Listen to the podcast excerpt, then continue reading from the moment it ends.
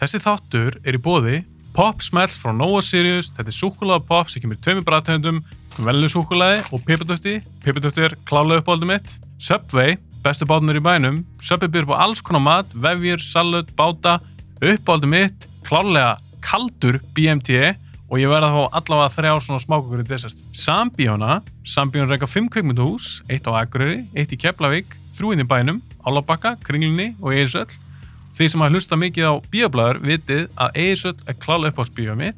Það er ekkert sem toppar sæða leitt þar. Ég vil þakka þessum fyrirtökjum kærlega fyrir stuðningin. Ég vil líka þakka ykkur fyrir að horfa að hlusta á bíoblæður. Ef þið viljið styrkja bíoblæður, þá mæli ég með að veslu við þessu frábæri fyrirtöki. Ég vil minna á að bíoblæður er á Instagram, TikTok og Facebook. Endilega fylgjið mig þar.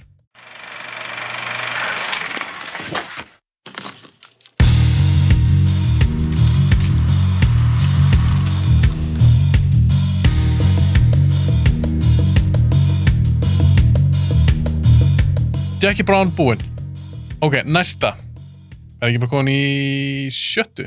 Mm Að þú ekki gera núna? Nei, veitu, eða ert þú sjöndi? Ég man ekki hvað er verið. Ég man það ekki heldur hvað ég gerði á undan. Hvað er í sjö hjá þér samt? Varum við búin með það? Once Upon a Time in Hollywood var sjö hjá mér. Ok, dættu bara sex. Á, ég, ég ætla að gíska. Já, já, Núna erum við komnir í... já erfiða. Veitu, hvað var, var, var heit og leit í... Áttunda. Já, það var átt, ok, ok. Sjötta hjá þér. Ég ætla að segja að það sé Django. Já. Django er nummer sex hjá þér. Já. Það er líka sex í mér. Ah, ok. Það, ég, ég vil strax segja að það komir óvart að hún færðist aðeins niðar. Að því í bíónu, því fór á hana 2012, Mm -hmm. það var það í janúar 2013. Allan, hún er þarna leið 2012 frumsýnd. Ég heldur við sjáum hann á Ísland allan í janúar. Janúar 2013, já. Það- Ég skemmti mér ógeðslega vel í bíónu. Mhm. Þetta var geggið bíóferð og það, þann er hann ekki að vinna með kaplana, það er aftur í tíman og eitthvað svona, Mhm. það eru flashbacks að sjálfsögðu, en það er ekki kaplatengt. Nei. Það er bara Django hverfur aftur í tíman í smá stund og svo komum við tilbaka. Já. Uh, En hún fór ekki ofur þér. nei, það er sko, ég, svo eftir hún var búin í bíó, það reyndi ég að horfa á hana strax aftur, ég hafði tekið fyrir til, ég man ekki hvort það var DVD eða eitthvað slíkt og svo horfðum hann aftur og aftur og aftur sko. og því ég horfði hana núna að nú eru nokkur ár sín ég sá hana seinast og hún færðist örlítið neðar en ég hefði svona, já, gert ráð fyrir í fyrstu eins og því ég var með alltaf svona reddi lista Mm -hmm. ef einhver spurði minn Tarantino myndir þá gati ég alltaf, þú veist, bara svona skotið bara svona, tjú, þessi nummer eitt, þessi þannig að, tjútjútjútjútjún, Af hverju heldur hún að fara neður þér? já Jackie fór upp og þegar þú sittur einhvern upp, þá færist ykkur neðar og það var önnur mynd sem fór upp, sem ítti Django neðar og hún náði ekki að vinna þær eins og segið, þannig var þetta komið bara í box Já, já, já. þannig voru já, fjóra já, já, myndir í boxi Já. uh, að því að neðst var frekar lokt efstu tvö frekar lokt en miðjukablin var svona eh, fjóri boxar að slást sko. Mhm. og Django uh, leti minni pókan uh, ég held að sé svolítið hvernig lopin er kannski tegður í senni hlutunum Er það ekki með lengdin? jú, Hún er rosalega löng fyrir svona mynd. já, en aftur á móti er hver sequence rosalega skemmtilegur Mm -hmm. eh, þú veist, fyrir hlustendur sem kannski áttu sig á hvað maður er að meina með sequence, að þá er sequence byggð upp, byggður upp úr nokkrum senum. Þú veist, uh, til dæmis getum við talað um sequence þegar þeir eru konir á Candyland. Það er dinner, Mm -hmm. uh, Samuel Jackson fattar að það er maðkur í misinni, hann talar við, við Kelvin, hann kemur inn, hann er með hauskúpuna og þeir eru teknifastir Mm -hmm. þetta er eitt sequence en nokkra senur en samt mjög líkar senur sko. allavega allir sequencer eru skemmtilegir engin spurning en það er eitt þú veist, aftur er ég farin í, út í svona performance og hvernig hlutinni verða svolítið svona ekki too much í komík en það er verið að leika sér að íkja hressilega Mm -hmm. eins og til dæmis þegar sega hundunum á segðu nafnið, D'Artagnan. já ég get ekki sagt svona erfinu Ég veit ekki svo hvort það er rétt sagt. Jú, jú, jú, þetta er sem nokkur er rétt sko að þú veist, þá er- er skotið á eitt gaur bara svona fúlsjótt, hann stendur einn í ramanum og Ja. hann er bara svona "Woohoo", þú veist bara svona einhver hilbili að hafa ga Já, gaman já, af þessu. já, já, Það er já. rosalega mikið grín. Þú veist ekki passa Það er verið að- að geta mann með hundum og eða hundar að geta mann og þetta var gert vissulega í þessu, á þessum ógislega tíma í sögu bandarækjana. En ég er ekki líka alveg, allir ekki að vera, það er pottur til ógistig gæjar sem að... Jú, jú, sem hlóða þessu, al alveg klálega. Uh, en það er kannski eins og til dæmis þegar, þegar Django er síðan sloppin úr hérna hestakerrunni eftir að átt að senda hann í námuna Mhm. í, í, í síðasta hlutanum að þegar hann síðan stútar öll eins og gaurum sem áttu hundana, Ó, Það er svo gekkja svona. já það er ógeðslega gaman þegar hann stútar þeim, en þá er þeir þarna, einn er að lemja einhvern fugglakofa með hamri í takt við lægi sem er í gangi og annar er bara eitthvað í baði, þetta er rosalega komist og það er eitthvað við það touch sem kannski pínu dregur niður fyrir minn smekk sko. Áhugavert. Uh, það var ekki þegar ég sá í bíónu Mm -hmm. og þetta er kannski bara ég að verða leiðilur gamall kall eða eitthvað sko. mhm. og, og kannski líka um, allur þessi expressionismi í ofbeldinu þar að segja eins og þegar hann skýtur sýstur Kelvins hún skýst aftur á bak eins og, hann hefur verið- eins og trukkur hefði kert á hana Ég er svona, ég elska svona Já. stund. það er ógeðslega fyndið sko. Ód- Ógeðslega óraunverulegt. já, já, að- það er viljandi órumverulegt Mhm. þannig að það er ekkert að saka hann um að hann vissi ekki hvað hann að gera this guy, hann veit hvað hann er að gera Mhm. og hann gerir það ógeðslega vel Þetta er alltaf hyperstæjanlæst Já, ofbeldi. og blóðslettina bara eins og einhver, þú veist, bruna slanga Og úr 20 líkumunum lítrar og- já, já, já. og, og þetta er, maður geður kikk að horfa á þessa mynd, sko og, og náttúrulega bara veist, besta senan, sko, er náttúrulega þegar Dr. King Jules er komið með konun hans inn í herbyggi og Calvin fjölskyldan heldur náttúrulega bara að þarna er, þú veist þau eru- Nýðingur. já, já, eða þú veist bara hérna er kona sem þú mátt sofa hjá og þau tala þýsku saman, þessin eru þau pöru saman en náttúrulega, þú veist eh, þeir voru að fara á kendilan til að ná í hana tilbaka, konunars Django allana, Dr. King Schultz og hún er komin inn í herbyggið og Brúmhilda von Schaft og hann er að útskýra fyrir henni, ok ég er með manni hérna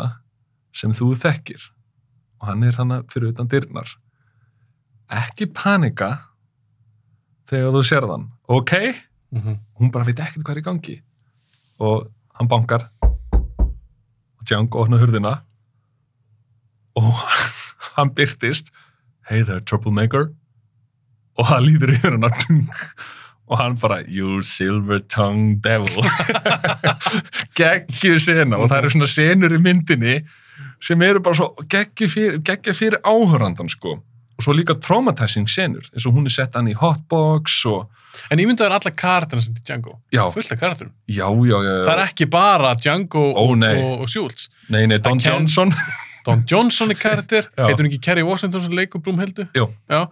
Það er karakter. Já. Eh, náttúrulega Candy sjálfur. Jonah Hill er með smá Eh, kemi á hana Mér veist það, það var alveg skemmtilegt. já, Kúklús klan, já, drastlega já, og þar er aftur þar fer hann í sko ekki, Of mikið grín.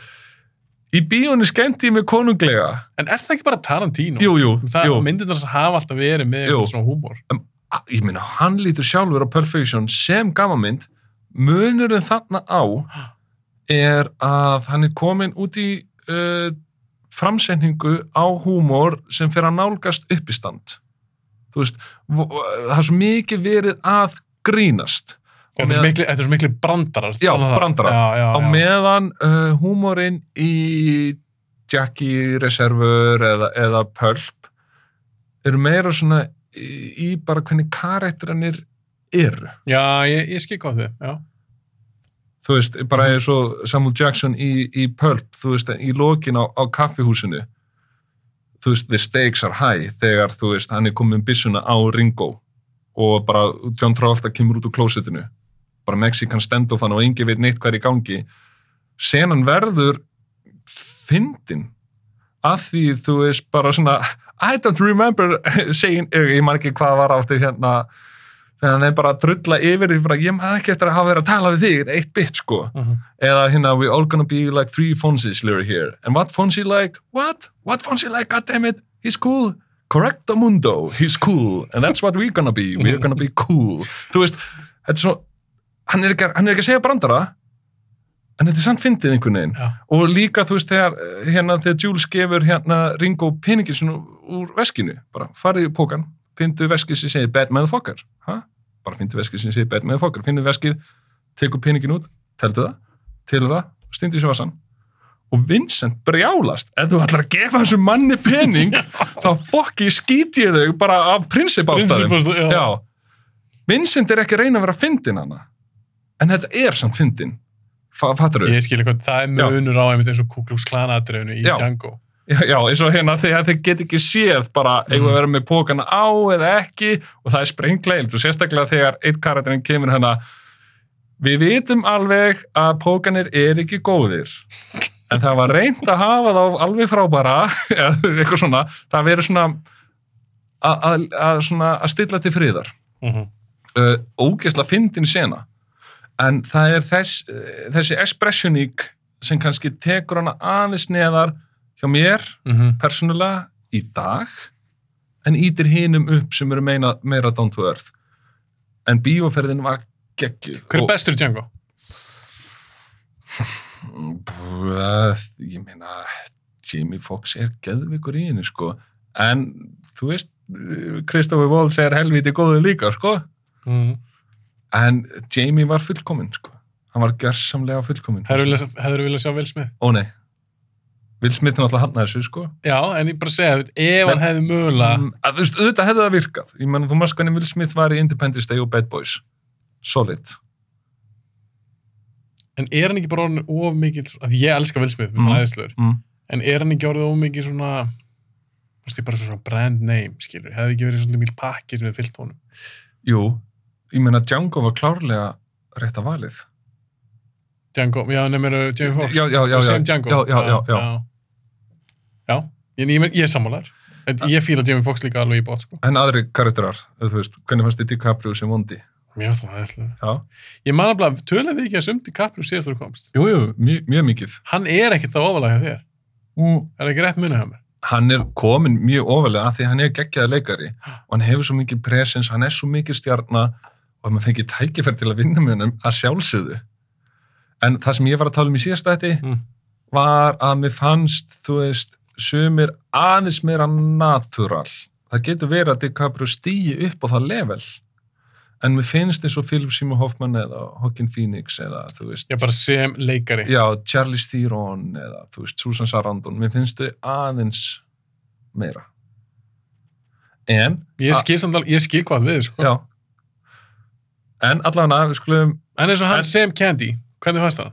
það kom mér óvart hvað hann var ógeðslegur En er það ekki bara að segja að hann sem helviti góð leikari? jú, jú, algjörlega hann var næsti sko Að þetta Gabriel er alltaf að virka á mig sem bara svona þokkala almennlegu gæi, já, já, já, en hann er ógislegur í, já, í Django. já En Og- gaman að sjá hann leika þannig gæi samt. það er nefnilega málið að fá breyttina Já, þú veist eins og kannski ef við tökum einhvern annan sem við nefndum aðan, Keanu Reeves við sjáum ekki mikla breytt í, í hans leik hann er líka ekki, ég elska Keanu Reeves, Já. en hann er ekkit svakalegu leikari. Nei, hann bara, er bara góður í sínu sko. Já, já, hann er En fyrir það sem var- John Wick bara að drepa fólk. Já, og- en það var frábært að fá þennan punkt á grafið í karýr DiCaprio. já. Þannig að hann er ekkit einhvern veginn bara á einum stað. Hann er alveg að fara langt upp og til hægri þarna sko. Já. Þú veist, ef þú sér fyrir þér einhvers svona graf, eða nýta graf sem svo var í starfræði í gamla dag sko. Og já, hann er bara ívul. Hún er text að vera ívul sko. Honum fannst það erfitt, sko. getur þetta ímyndaðir að vera segjandi ennorðið allan daginn við blökkufólk Hann talaði held ég við Samuel Jackson. Um Samuel þetta. Jackson Já. sagði bara, hei, Já. þetta er fucking mynd. já, bara að segja þetta og eitthvað svona Já, já. og ég hef heyrt verið nöfn eða Já, já. eitthvað, mann, mann hvað var en hann er satt að sjálfur ykkur Tarantino og ég hugsa að þú vitur þetta að þegar hann skrifaði þessa mynd mm, og þú veist hann sjálfur að þú hefur skrifað sjálfur mm, að þú dettur inn í hausin á þessu fólki og þetta verður bara raunveröld fólk fyrir þér Tarantino sagði ég gæti ekki beðið eftir að drepa Candy sko. já, já, já, já, já. að það var svo mikið ógef já. Og, á- hann hataði hann að karakter já, og þessi karakter var miklu eldri í handrýtinu um, já var það þannig, já, að þetta var svona eldri maður já, bara svona, svona eins og Don Johnson skilur við mér finnst það svo töff að vera svona í yngri kantin já, síðan hittir hann DiCaprio og er að ræða við hann og DiCaprio sýnir hlutverkinu áhuga en kom hann ekki til greina sem hans landa Jú, jú, jú, jú, á en, sínum en, tíma. en Tarantino offaði það strax að þið DiCaprio tala bara ennsku Já, einmitt. og hann, land, landa er multilanguage guy, sko. Mhm. En hann hittir, að- hann hittir síðan aftur DiCaprio varandi Candy að því að DiCaprio sóttist eftir að fá að leika í næstu mynd. Tarantino, sorry, Tarantino sagði ekki um einhverjum viðtali. Já, Hann lefur DiCaprio að lesa öll handrið þessi. já, já, já, DiCaprio sem ég er að fá að lesa allt. já, já, já. Og, Þannig að hann sóttist eftir, fyrir ekki, hann sóttist Já, eftir að leika já. kandi í. já, og Tarantino fyrir þá að hugsa þetta, sko. DiCaprio auðvitað ekki nógu gamall fyrir þennan karakter, af því karakterin Mhm. var gamall. Já, En þá fyrir hann að hugsa, býtum við, ef Candy er yngri, þá er það er svolítið áhugavert. En þess að þá er þetta ekkert spurning um business. Hann er, hann er dekubann. Hann erfir fúlgu fjár og mi mikið veldi. mhm, Eins og dekubann skilur uh, svona rich kids syndrom. mhm. Þeir bara eh, verða oft assholes. Mj- Mjög oft. Óþólandi á Bara veitingastöðum. freki dósir. Já, óþólandi á veitingastöðum og svona. Þú veist, ég hef alveg verið í þjónustustarfi. Já. og því hérna, ríkari sem fóreldrarnir eru því ofta eru bara krakkarnir meiri skítala sko. og Fram fram miður, ég hef kynst líka svolítið. já, og eins og einn vinnum minn kallar þetta rich kids syndrome Mm. sko. Mhm.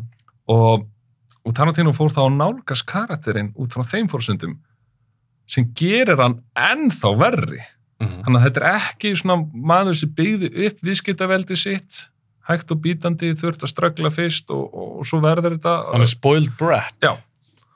og þá allt innu verður hann rosalega skotin í þeirri hugmynd að DiCaprio takja þessu hlutverki sem verður úr Mhm. og já, ég held að það spila stóran part í vinsaldi myndarinnar Já. því þú ert þá með á plaggandinu DiCaprio og Jamie Foxx En hún var líka, ef ég man rétt, ég held að þetta sé eina tekjastu myndum Tarantino. Já. Box office. Já.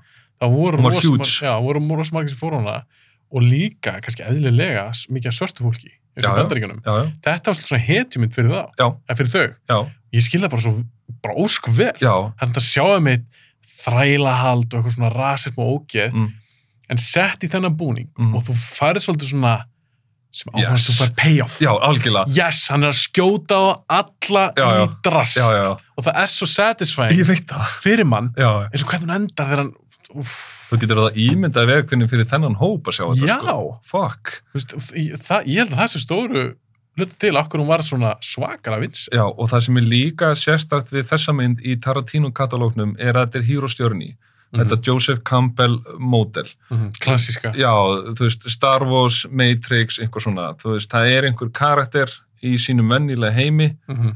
sem fer síðan í, í, í ferðalag sem er svolítið anstætt við hans fyrra líf í tilviki Django's fer úr því að vera þræll yfir í það að vera bara kúlgauður á hesti og, og, og þetta er rescue mission alveg svo til dæmis í Star Wars Luke fer eh, í ferðalag til að bjarga leiðu Mhm. hann tímar upp með Obi-Wan Kenobi uh, Django tímar upp með Dr. King Schultz sem er svona The Old Wise Man uh, Luke bjargar leiðu en þá hefst önnur abrarás Django bjargar Brúmhilda en önnur abrarás hefst því Mhm. hann er neftur þannig og já, þetta er hýr og stjörni Tarantino hefði aldrei gert það svona, þú veist, það er eins og segið, þetta er ekki kaplar aftur og fram og tilbaka í tíma Mhm. uh, geggjumynd um, það er svona smá svona, f- maður fór að spá sko, skrifa hans út í hotn á kunnu kapla eins og eftir sjódán í húsinu þar sem maður skýtur alla gaurann í spað að þá náður honum í endan og hann hengur hann á kvolfi og þá kemur hérna Billy Crash með nýf og allar að fara að skera á honum pungin og eitthvað og geð sko Mhm. og þannig að þú veist þetta klassiska dæmi svo í James Bond myndum og eitthvað svona hetjan er komin í öngstræti það er ekkert sem hún getur gert til að bjarga sér an, uh, og bara vondikallin getur bara smelt fingri og viðkomandi er döður Mhm. en þá er ofta einhver svona ræða hjá vondakallinum sem býr til andrými það svigurum fyrir viðkomandi að sleppa Mhm. og þarna kemur Samuel Jackson inn og heldur svona klassíska vondakallaræðu mm, ég vil ekki þú að ég bara skjóti þig hér eða dreipi þig hérna, ég ætla að gera eitthvað miklu verra fyrir við þig af því þú átt það skilið með allt sem þú hefur gert Það var að láta pína þér svolítið já, já, þannig að hann er sendur þá í einhverja námuvinnslu og þá allt inn er Django komin hana á kerru með öðrum mönnum sem eiga að fara í námuvinnsluna líka og þá er náttúrulega er uh, náttúrulega komið þannig að tækifæri til að sleppa sko. Mm -hmm.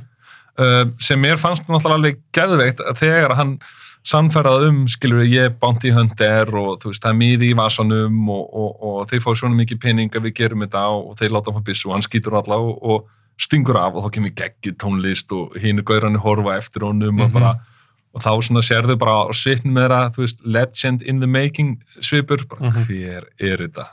Þú veist, það er alveg geðveikt en þú veist, það er kannski, þú veist, smá ódýrt karakterinn er komin út í hótt nú er bara hægt að drepa hann mjög easy mhm. hann getur ekki gert neitt en þá er hann losaður og, og, og settur í eitthvað annað sko. Fannst það ódýrt? uh, ég bara, þetta, sko þetta er náttúrulega bara oft sem bara handrið sem þetta lenda í Þe, Mhm. þeir skrifa karakterinn í algjört öngstræti en þeir getur ekki dreipið hann því En- þá, þá er sagðan búinn hvað, hvað hann var að gera En átti hún ekki bara endi í húsinu? gæti verið Mér fannst ég finna það, já, bara eitthvað svona upp á hvernig hún er peysu og hvernig struktúru myndin mm -hmm, að þegar húsið er búið, búm, ég fann bara svona hún er ekkert leiðin eftir það, mhm. nei en ég fann bara svona úf, mér já, fannst rosast loft fara úr henni já, góðu punktur Þú veist, eftir Gunf, mér finnst það að vera climax í myndinu sko. já, að því að síðan kemur annað gunfight í sama húsi Mhm. þannig að hann er það ekki rétt munið að mér, hann Gunfett er Jú, jú. fyrst í húsinu Jú, jú, jú, jú. Og svo hangir hann hana á kvolfi, Mhm. síðan er hann sendur í námuna. en Það- þetta er svona skemmtilega atrið en fattar hvað er al- við algjörlega, algjörlega. Og þar er Tarantino, hann er einn af þessum áströlum sem er að flytja hann í námuna. Og sem er mikið distraction þegar maður horfir á hana það, því já, miður og Tarantino sagði sjálfur e- eftir, e, eftir þessa mynd, nú er hann hættur að leika. Af því, Ja. þú veist, hann var ennþá með þessa bakteríu að vilja leika, að því hann byrjar sem leikari. Hún langaði að verða leikari. Hún, algjörlega, hún langaði ekki að vera leikstjóri, hún langaði ekki að vera handritsöndur, hún langaði að verða leikari. En hann átti bara erfitt með að fá hlutverk og allt þetta, en þessi bakterja var ekkit búin að yfirgefa hann. en hann alltaf ekki að leiksta sér sjálfur Nei, af því hann er góður í From Dust to Dawn já, sem Robert Rodriguez leikstýrir. já, Þar hefur hann mjög góð tök á honum, sko. mhm. Og hann- Tarantino er geggjður frá stöðsins dán. En það var distracting að sjá kallinn hann á hestinum og, og, með og, og einhvern róta í ástæðskan reym og...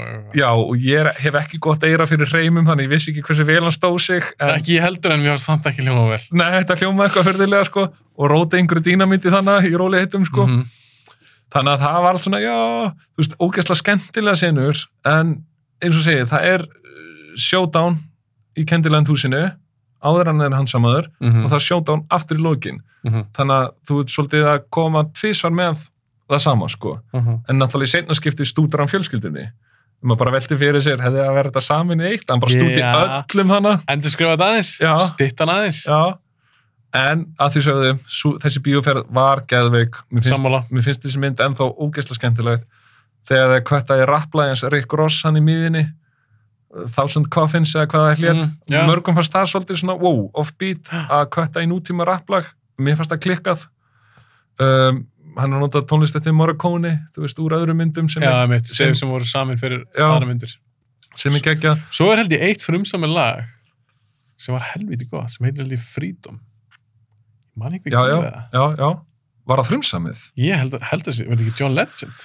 Sko, frums, það er annað frumsam í lagmyndinni eftir Morricone sem er þannig að, on- Og ég er þannig um lag, um söng og allt. já, já, mannstu þegar verið að dekka borðin í Candyland Já. og þá er svona montas. Nei, fyrir ekki, Anthony Ham, song by eitthvað, Anthony Hamilton og eitthvað. Já, Ég held þetta s- lag hafi verið samið fyrir Django. ok. Ok, sorry. En það er annað frumsam í lag sem Mm. Morricone semur, Mm. sem er söngur. Og það er þegar verið að leggja á borð og, og við erum komnir í Candyland. Já, mér ámur eitthvað í það. Það, það, það er kona að syngja. Það er hún ekki dialog, eru þau ekki bara að setja á borðið og Jú, jú, græja allt og jú, svona? það verið að syngja á ítölsku. Já, jú, mér ámur eitthvað í það. On Koriki. Og það voru konið sem gerði það. Ha, já, já. En þú veist, það, það er lag, það er ekki skor. beint. Já, já, já, það er su- það er sungið og svona. já, já. En já, ég veit ekki hvort ég hef eitthvað meira um Django að segja, annað en bara gott hýr og stjörni. algjörlega, ég meina ástofnum kennst ekki ofar í mér Já. Ég sé, mér finnst þú vera að ég veit að heit var leiti líka löng Mm -hmm. og þó eins löng þá ég persónulega, mér fannst ég ekki finna eins mikið fyrir lengdinni Já. eins og í Django Ok. og ég hugsa að ég sé í miklu minnuluta Já, alltaf meira gerist í Django, meira, ha- meira hasar já, ég maður bara þegar, þegar húsadriðan í rauninni Mhm. í Django er búið þá hugsaði ég með mér áttu hann ekki bara að enda þetta ég man ekki hvað er langt liðið að myndinni Mm þú veist alveg komið feature length mynd Já, já. hann er kannski að endur skrifa þetta eitthvað mér fannst það að vera soldið teikt að mjög loki Og það er spurning hvort að Sally Menke hefði... 100% Já, ég er 100% þess að já. að ég meina það the proof is in the pudding að þú sérð eldri myndin þess Mm. þær voru ekki alveg svona Nei, einmitt. ok, Já, Django var nummer 6 okkur báðum já. M- Merkilegt, þá hendið þú í númi 5. þú giska? giskum alla myndina það er svo gaman Uh, uh, uh, fólk að klikkast á okkur það er ekkert mikið eftir Nei. þú maður snáðið kannski hvað ég var með Ég ætla að segja Reserve Dogs. Nei. Ok. ég ætla að nefna það sem ég kom með ég er búið með Death Proof, Once More Time in Hollywood, Jackie Brown, Django þetta er ekki Reservoir Dogs Segja.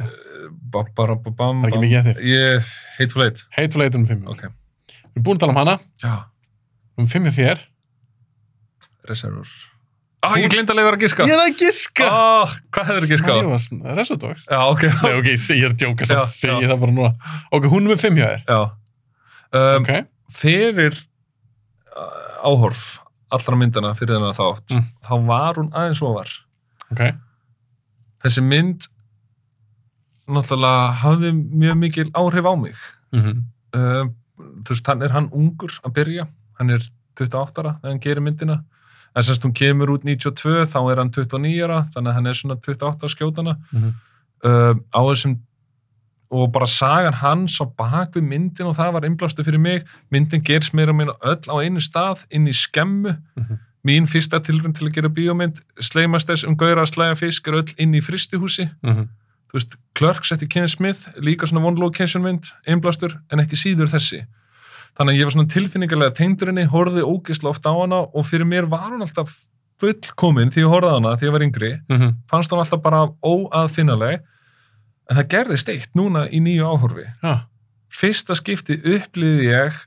myndina sem smá svona fyrstu mynd leikstjóra ég sá smá að því ég var búin að horfa alla hina myndina samhliða Ef þú að, tókst það ekki rétt röð Ah. Eh, nei, nei, nei, ég, ég tók það bara random Já, þú, já, ok, ok, ok, ok ég, Það er áhugavert. ég byrjaði á Django þegar hún var á Netflix og, og bara hingað Já, tókst bara einhver röð já, Ok, og já, mér fannst það líka mjög skemmtilegt að gera það ekki alveg línulega já hrista upp í þessu uh, allavega Hva, þannig að Hvað er að við hana sem þú bara eitthvað svona, óf, þetta er, mynd, þetta, er- þetta er fyrsta mynd leikstra það er ekkert eitthvað stórt það er bara kannski smá með kamerurreifingar smá eins og kanni kannski Mr. Blonde uh, endurar uh, sinuna í skemmunni þeir eru að rífast að benda byssun okkur annan hérna Mr. Pink og Mr. White Mr. Mhm. Pink á bakinu Ertu aðalega að tala, ú- tala um útistlega og kannski, kannski kannski ekki, ekki, klippingar? kannski ekki beint útlit en bara, s- eh, þú veist, eins og þegar kameran púlar tilbaka, þá allt henni byrtist Mr. Blonde þetta hefur þeir orðið var við hann Já, já, já, þetta er svona, ég, ég, ég, ég skip þú veist, hann bara allt inn í erðana eins og draugur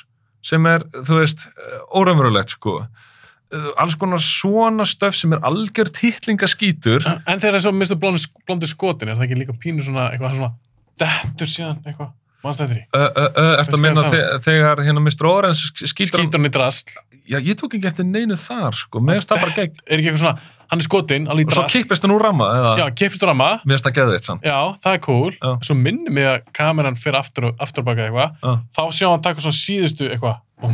já, ok Hann líður svona tími já, Er ég að ruggla? Eh, Mér minnir þetta sé þannig ég, allan, ég tók ekki eftir Nei, ok. neinu okay. aðtöðverðu sko En mér fannst það vera svolítið svona Mér finnst það ekki alveg mega sens Já, en allan ég var alltaf mjög svona, ekki pyrraður út í Roger E- Roger Ebert, en hann gaf henni tvær og halva stjórnu á sínu tíma og ég var bara, hvað, þú veist, hvernig færa hann það út? Þetta er þessi myndi fullkomin. En ég sé núna af hverju menn hafa eitthvað aðeins út á hann að setja, Mhm. en mér finnst hún samt geðveik, hún var mikið inspiration, karakterinn er drullu skemmtilegir og þetta er náttúrulega, og þarna er hann að byrja, þetta er fyrsta myndin hans þar sem hann er, að- náttúrulega hann er að koma með þessa kapla og kaplan er heita eftir karakterunum mm -hmm.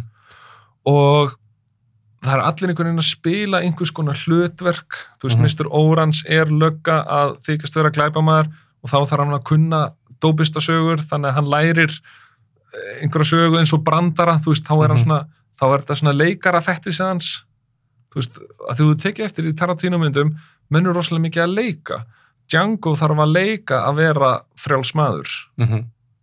Vincent Vega þú veist, þarf að taka mýju út að date í Pulp Fiction Mm -hmm. hann þarf að passa sig að þú veist reyni ekki við hana og þú veist Jackie þarf að leika það að, þú veist, að hún sé með öllum í liði, en hún er að svíkja alla. Mhm. Og þarna sérðu bara strax í fyrstu myndina hans að hann er strax byrjað með þetta karakter sem þarf að vill á sér heimildir. Þannig að þetta er eitthvað sem hann hefur mjög mikið áhuga á. Þannig að sérðu líka einhver svona smá daddy issues. Því það er rosalega mikið eitthvað svona Joey's gonna come here, hey daddy, þú veist, það, þú veist, það er alltaf svona samband föðus og sonar. Þó að Mr. Orange sé ekki sonur Mr. White, þá er Mr. White svona gangunum föðust að þegar hann er þannig að sérður Mhm. þetta er rosalega mikið pappi og sonurmynd sem er mjög áhört, næska Eddie og, og, og Joe skiluru, Mhm. uh, Mr. White og Joe og alls konar svona um, en karatinir eru geggjaðir Mi- Mr. Pink Hversu- Hver er þetta bestur í þeirri mynd? Hver er ég, þinn uppáhalds? ég held ég verði að segja Mr. Pink, Steve Buscemi Hann mér er finnst, geggjaður. mér finnst hann svo fyndin sko Mhm. en svo er náttúrulega Michael Madsen sem mistu blónd alveg gerðveikur sko uh, hann er náttúrulega bara síkopati og, og svona sko en mist, að ég veit ekki stíbuð sem ég fíla hann alltaf svo mikið Þú veist, hann er eitthvað svo skrítinn og snakkaralegur og já, ég veit Hann það er ekki frábær leikari. já, en hvað finnst þér um þessa mynd? Mér er svona hræðileg. Nei, ég er að djúka. Mér er svona geggjuð. Já. Ég elska þessu mynd. já, Og ég skil hvort við. mm, Það var bara svona, já, ok, ég sé hann alveg mun á kvikmynd að gera manninu sem gerði Reservoir Dogs og sem gerði síðan Django til dæmis. já algjörlega Það er rosa munur. Já. Eða gæðin sem gerir Bastards og já, Reservoir nákvæmlega, Dogs. Þetta nákvæmlega. er- þetta er heimil og haf. Já. Mhm. En það er náttúrulega lærðan helling, þroskast, eldist og allt það. Mér finnst hún hrikalega góð. já, Mér finnst, Kai Tyler er uppáldið mér í þessari mynd. já Mér finnst hann geðveikur. hann er svo flottur í þessari mynd sko. Mr. White, Já. hann er geðveikur í þessari mynd. En það sem mér finnst skemmtlast við hana, Reservoir Dogs, mér finnst einhvern veginn, náttúrulega kemistra mill þeirra allra, mm, er brjálað. Mhm. Hvort sem það mill uh, Tim Roth og, og Keitel eða Mr. Blonde og Nice Guy Eddie, já, öllum leikurunum, þetta er bara einhvern veginn svona, en það er ekkert sjálfgefið. nei, Þú hefur alveg sé myndir með fullt að leikur eitthvað svona ensemble piece mm, og þeir eru ekki allir að, já, þeir eru ekki allir að væpa nei, nei það er kannski einhvern veginn einn eða tveir sem að þarna fannst mér að það væri bara allt vinir menn sem hefur greinlega unnið eitthvað á þú veist bara kemmistri virkaði fyrir Aha. mig að mér finnst dialógið Já. mér finnst það af öllum myndunum hans einna skemmtlast í, í Reservoir Dogs mm, þetta er stór orð Já, þetta er mjög gott. Þannig að við- að þegar við vorum að tala um Death Pro, áðan, hvað mm Mhm. var s- svona eh, ekki að virka alveg, mm. þannig er hvert, hvert einasta samtal með svona high stakes, Mm -hmm. hver er rottan? Eða, þú veist, uh, Mr. Orange að vill á sér heimildir, munið er fattan? Eða ekki? Mm.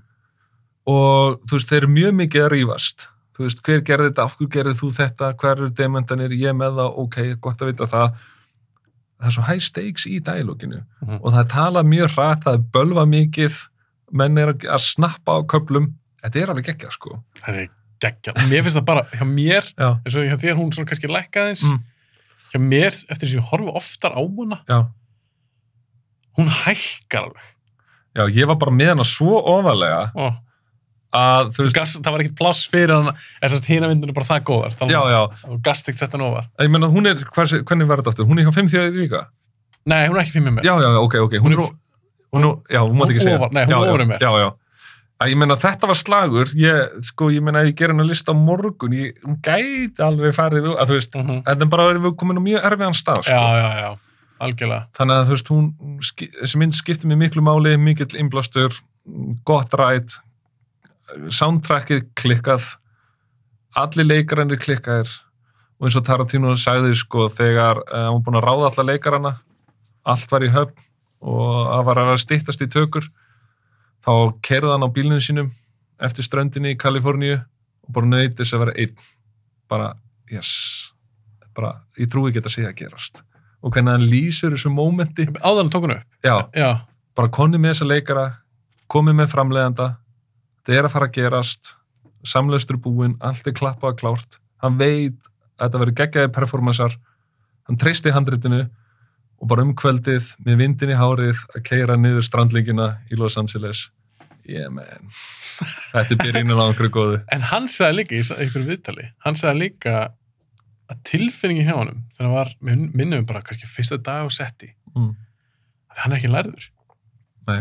hann, hann kunni ekkert þannig séð og hann var bara eitthvað shit, ég er þetta með þessum, hann veit miklu meira en ég, Mm -hmm. ég er með þessum leikara, hann er með miklu meira reynslu en ég og Mm. allt þetta en hann sagði ok, þetta fólk er kannski reynslu meira en ég Mm. en það er enginn sem þekkir þess að sögu betur en ég Nei, nákvæmlega. og það gaf hann svo mikið búst bara Já. ef okay, ég get gert þetta Já.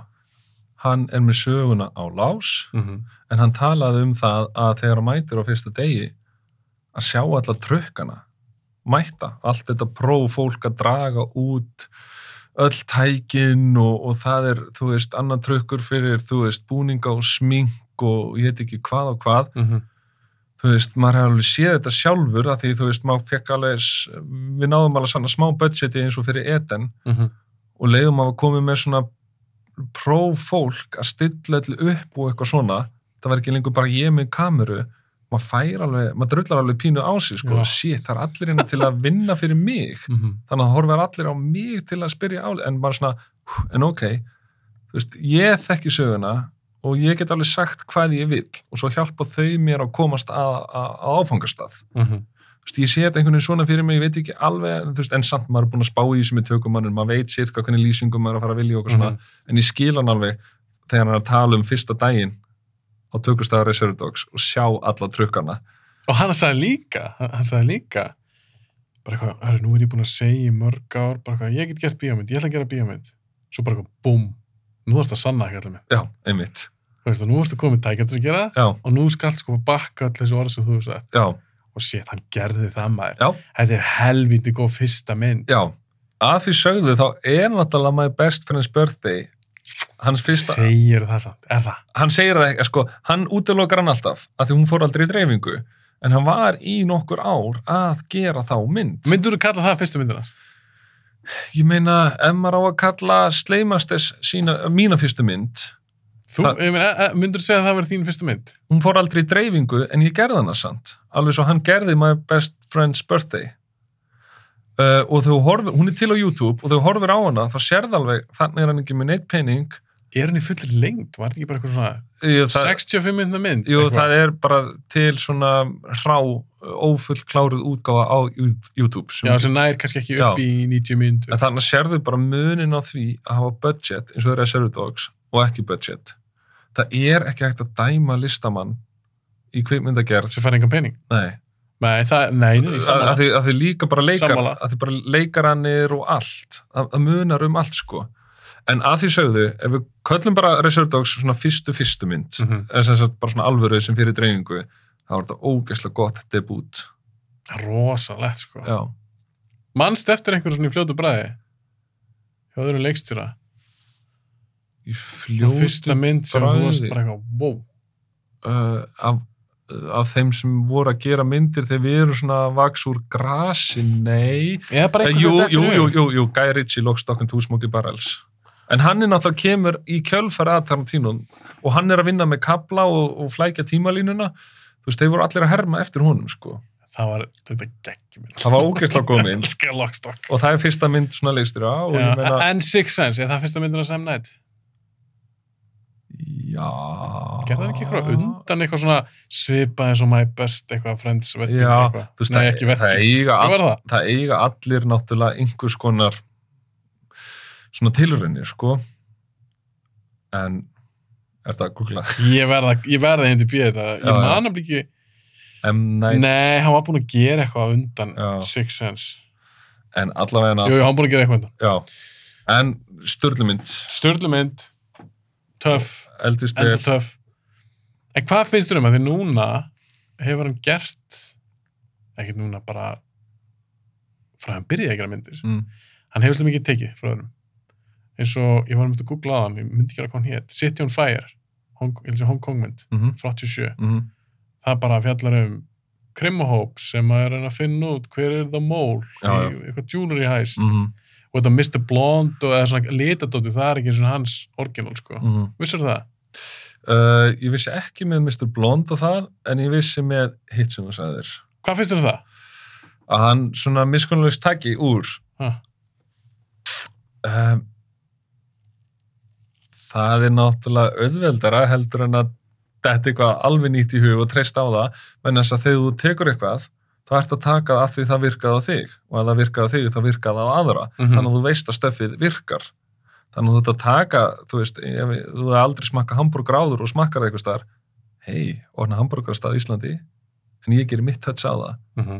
þú veist, það er auðveldari leið En ger ekki flesti lista með það einhver leiti? við erum uh, uh, þú veist, þú ert alltaf standandi á aukslum þeirra sem ko- undan eru komu Mhm.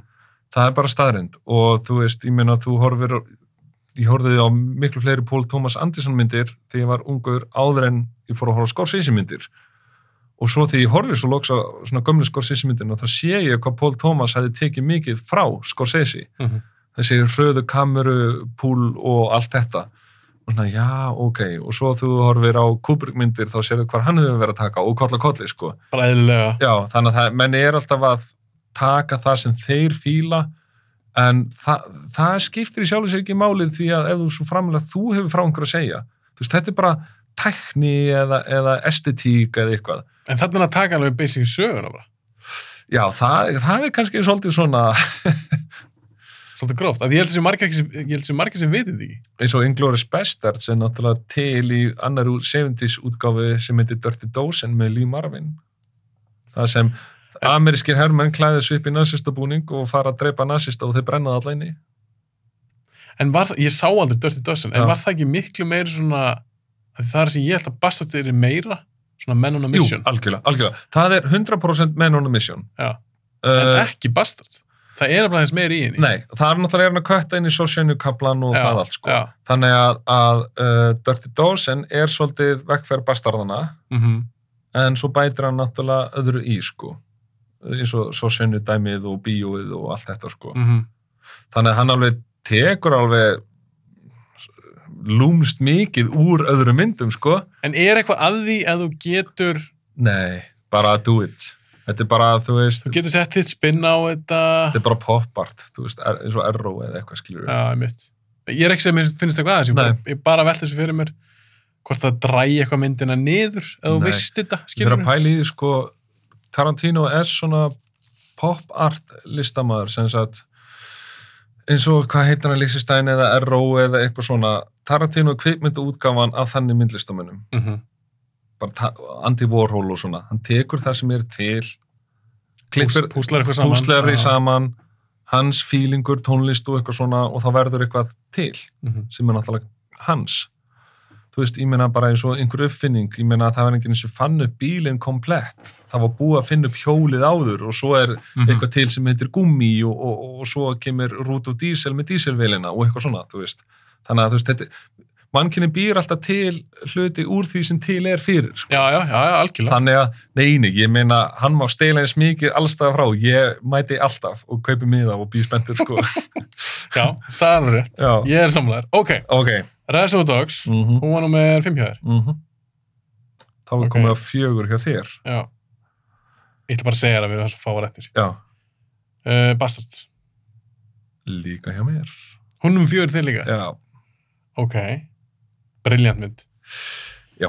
En ef ég segir af hverju hún er ekki ofar hjá mér, þó Já. hún sé alveg í fjórða. Já.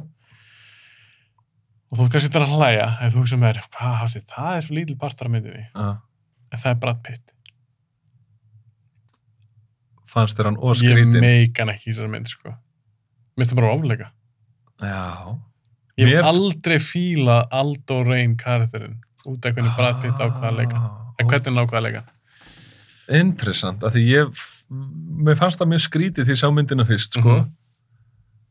en svo fór ég bara að fíla meira og meira eins og mér fannst bara allt orðið þetta með ítala dæmi svo fyndið og eitthvað svona sko. en ég skil vel að það stingi í stúf Hann er með eitthvað svipallan tíma. hann er með svona skúff Já, svona, og hvernig hann talar og hvernig hann setur áherslur á orðið. já, já, Veit, ég var bara eitthvað, í hvaða mynd er þú að leika, kallinn? já, Af því ég fíla Brad Pitt. Já, Mér finnst já. það skemmtilega leikari. já. Uh, Sumir getur sagt að hans landa er svolítið svona átur karakter, já hann er það en Christoph Waltz mm. fannst mér púla.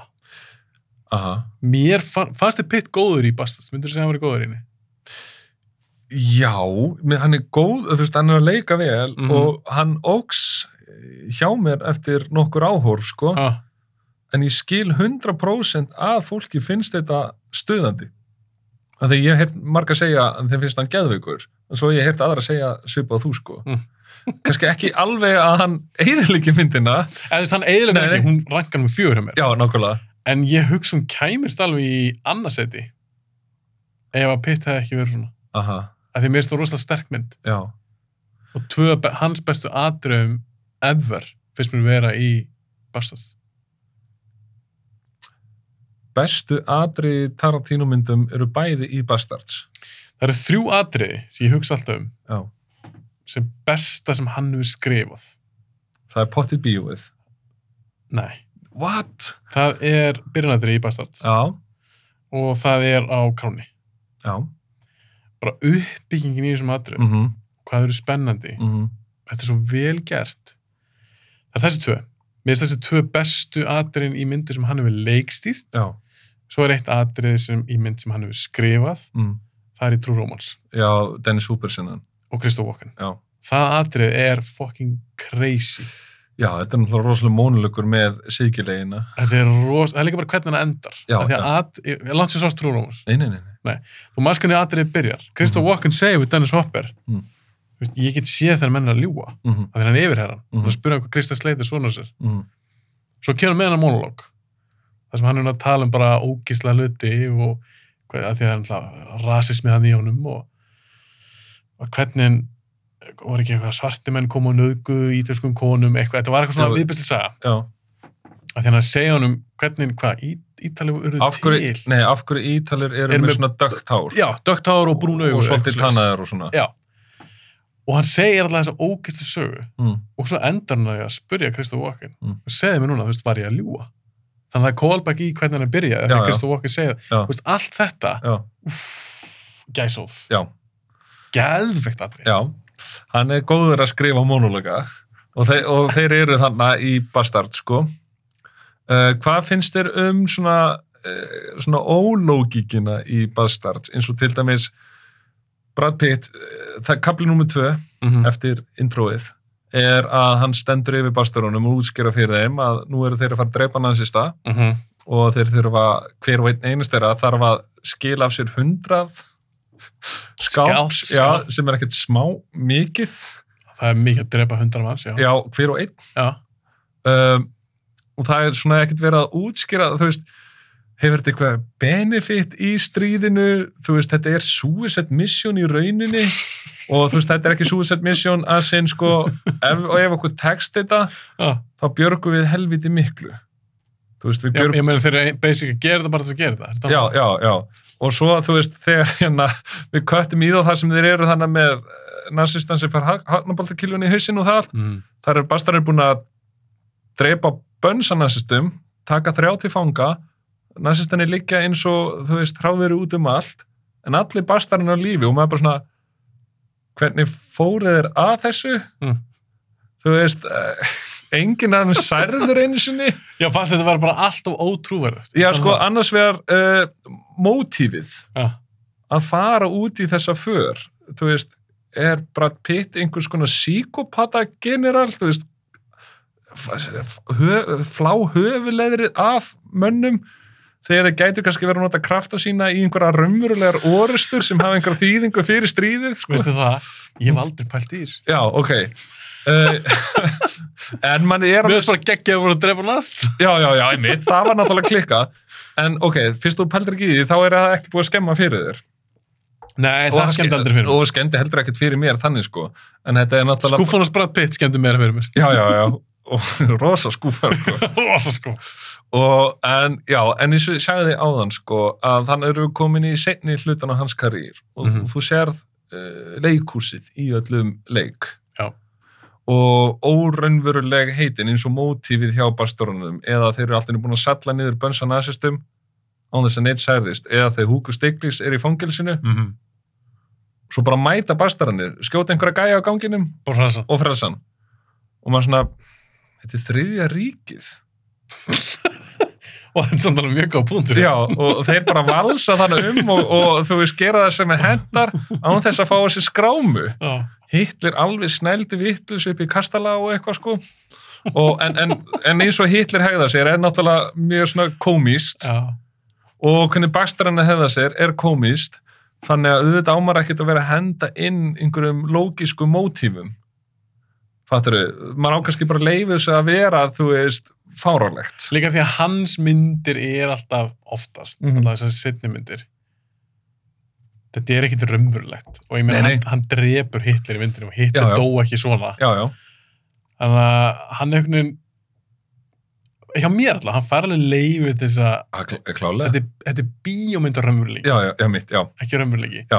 Þannig að það er alveg rétt hjá þér mitt að ef þú pælir þessu þannig, þá Já. meikar þetta ekki neitt sen, sko. Nei. En þá getur maður hugsað með þessum Kill Bill, það er ekki neitt í henni sem meikar sen. nei, nei, nei, nei Basically ekki. það er Nema- bara svo teiknum. en, sko það sem ég hef oft verið að pæla í svona bíomundalógík það sem meikar sens í kilbil er mótífið hennar hvati að fara af stað í þessa hendarför Já, þú ert að tala um að fyrir bastarana, þú veist, af hverju eru þeir að þessu þeir eru bara sendir þetta misjón. Er það ekki nóg, er, er það ekki nóg móti fyrir því? já, Að þetta eru bara herrmenn já, sem eru bara að, að fara eftir skipunum. en hvers konar misjón er þetta? Að þeir eru bara að gera eitthvað. Já, þetta, þetta er bara, þetta er svona einmitt, það geta alveg verið bara með spreybrús og gera veggjakrót að stríða nasistum eða eitthvað, eða, eða þú veist ef, ef, ef að plan er að fokka í nasistum, Já. þá var náttúrulega fokkar þetta hressilega í þeim, sko En var það ekki basically bara planið? Jú, jú. En, Þeir, þú veist, þeir eru bara að vera skærulegar, jú, jú. Og Hitler, ver, hoppa upp hér og þar. já, og Hitler verður náttúrulega alveg brjálaðar. En síðan náttúrulega í seinni hlutunum. Þá fá þeir verkefni, Þá er verkefni, basically. þá meikar það mjög mikið sens. Já. Að það er að, að sprengja bíóið og þá drepa þeir alla gæjana og mögulega enda stríðið. Já. Ef þetta mission text, hvort sem við deginstrákar eða ekki, þá björgum við öllum heiminum. Já. Þú ert að tala um basically þarna meika þetta sens fyrir því. Já, og svona mótíflega séð, sko. Já, já, en þarna var einmitt komin eitthvað svona, það var eitthvað verkefni. já, Af því að ég byrja, já þeir eru rétt hjá þér, í byrjunni þá er þetta meira bara svona, strákar, drefum bara næsta bara til að drepa á. já. Og, hérna- Gera bara einhver Já. staðar og einhvern veginn. og það er ekki nóg að drepa á, við þurfum að fláa um höfulegrið. En voru ekki alveg aðri í myndina sem við fáum að sjá þá skera af höfulegir? Jú, jú, jú, jú. Þú veist, þið stóðlega við það? jú, jú, jú, það er alveg gert sko og náttúrulega sem tjúlar Hitler ennþá meira sko en auðvitað er þetta komík, þú sér hvernig Hitler er túlkaður, sér hvernig Goebbels er túlkaður og Já, svona, já, já. Þetta, er, þetta er grín sko En- En hvernig fannst þér að, sjá, að heyra dæalógi hans Tarantino á öðru tungumál? mér finnst það geðvig Mér fannst það klikkað. mér, sko, Af því Það var, það var áhugavert. já, á frönsku, þýsku, ítelsku það var ógeðslega gaman sko það var mjög skemmtilegt. og það einhvern veginn virkaði ekki, ég veit ekki hvort það getur sagt, maður getur sagt virkaði betur, en þannig að náttúrulega eru við konni í hans seinni hluta hans karriér þar sem díalógið er meira leikús Mm -hmm.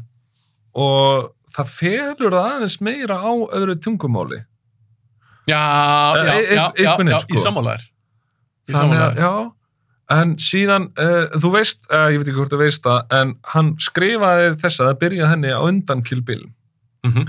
en hún verður svo stór að þetta var bara orðin, þú veist, bara tíu þátt að míniserja og hann hefur sagt ef hann væri að skrifa bastarinn í dag, þá er þetta tíu þátt að míniserja. Veistu, hver, það- veistu hver það var sem fekk þetta að gera bíómynd en ekki að fara með þetta í sjónvar?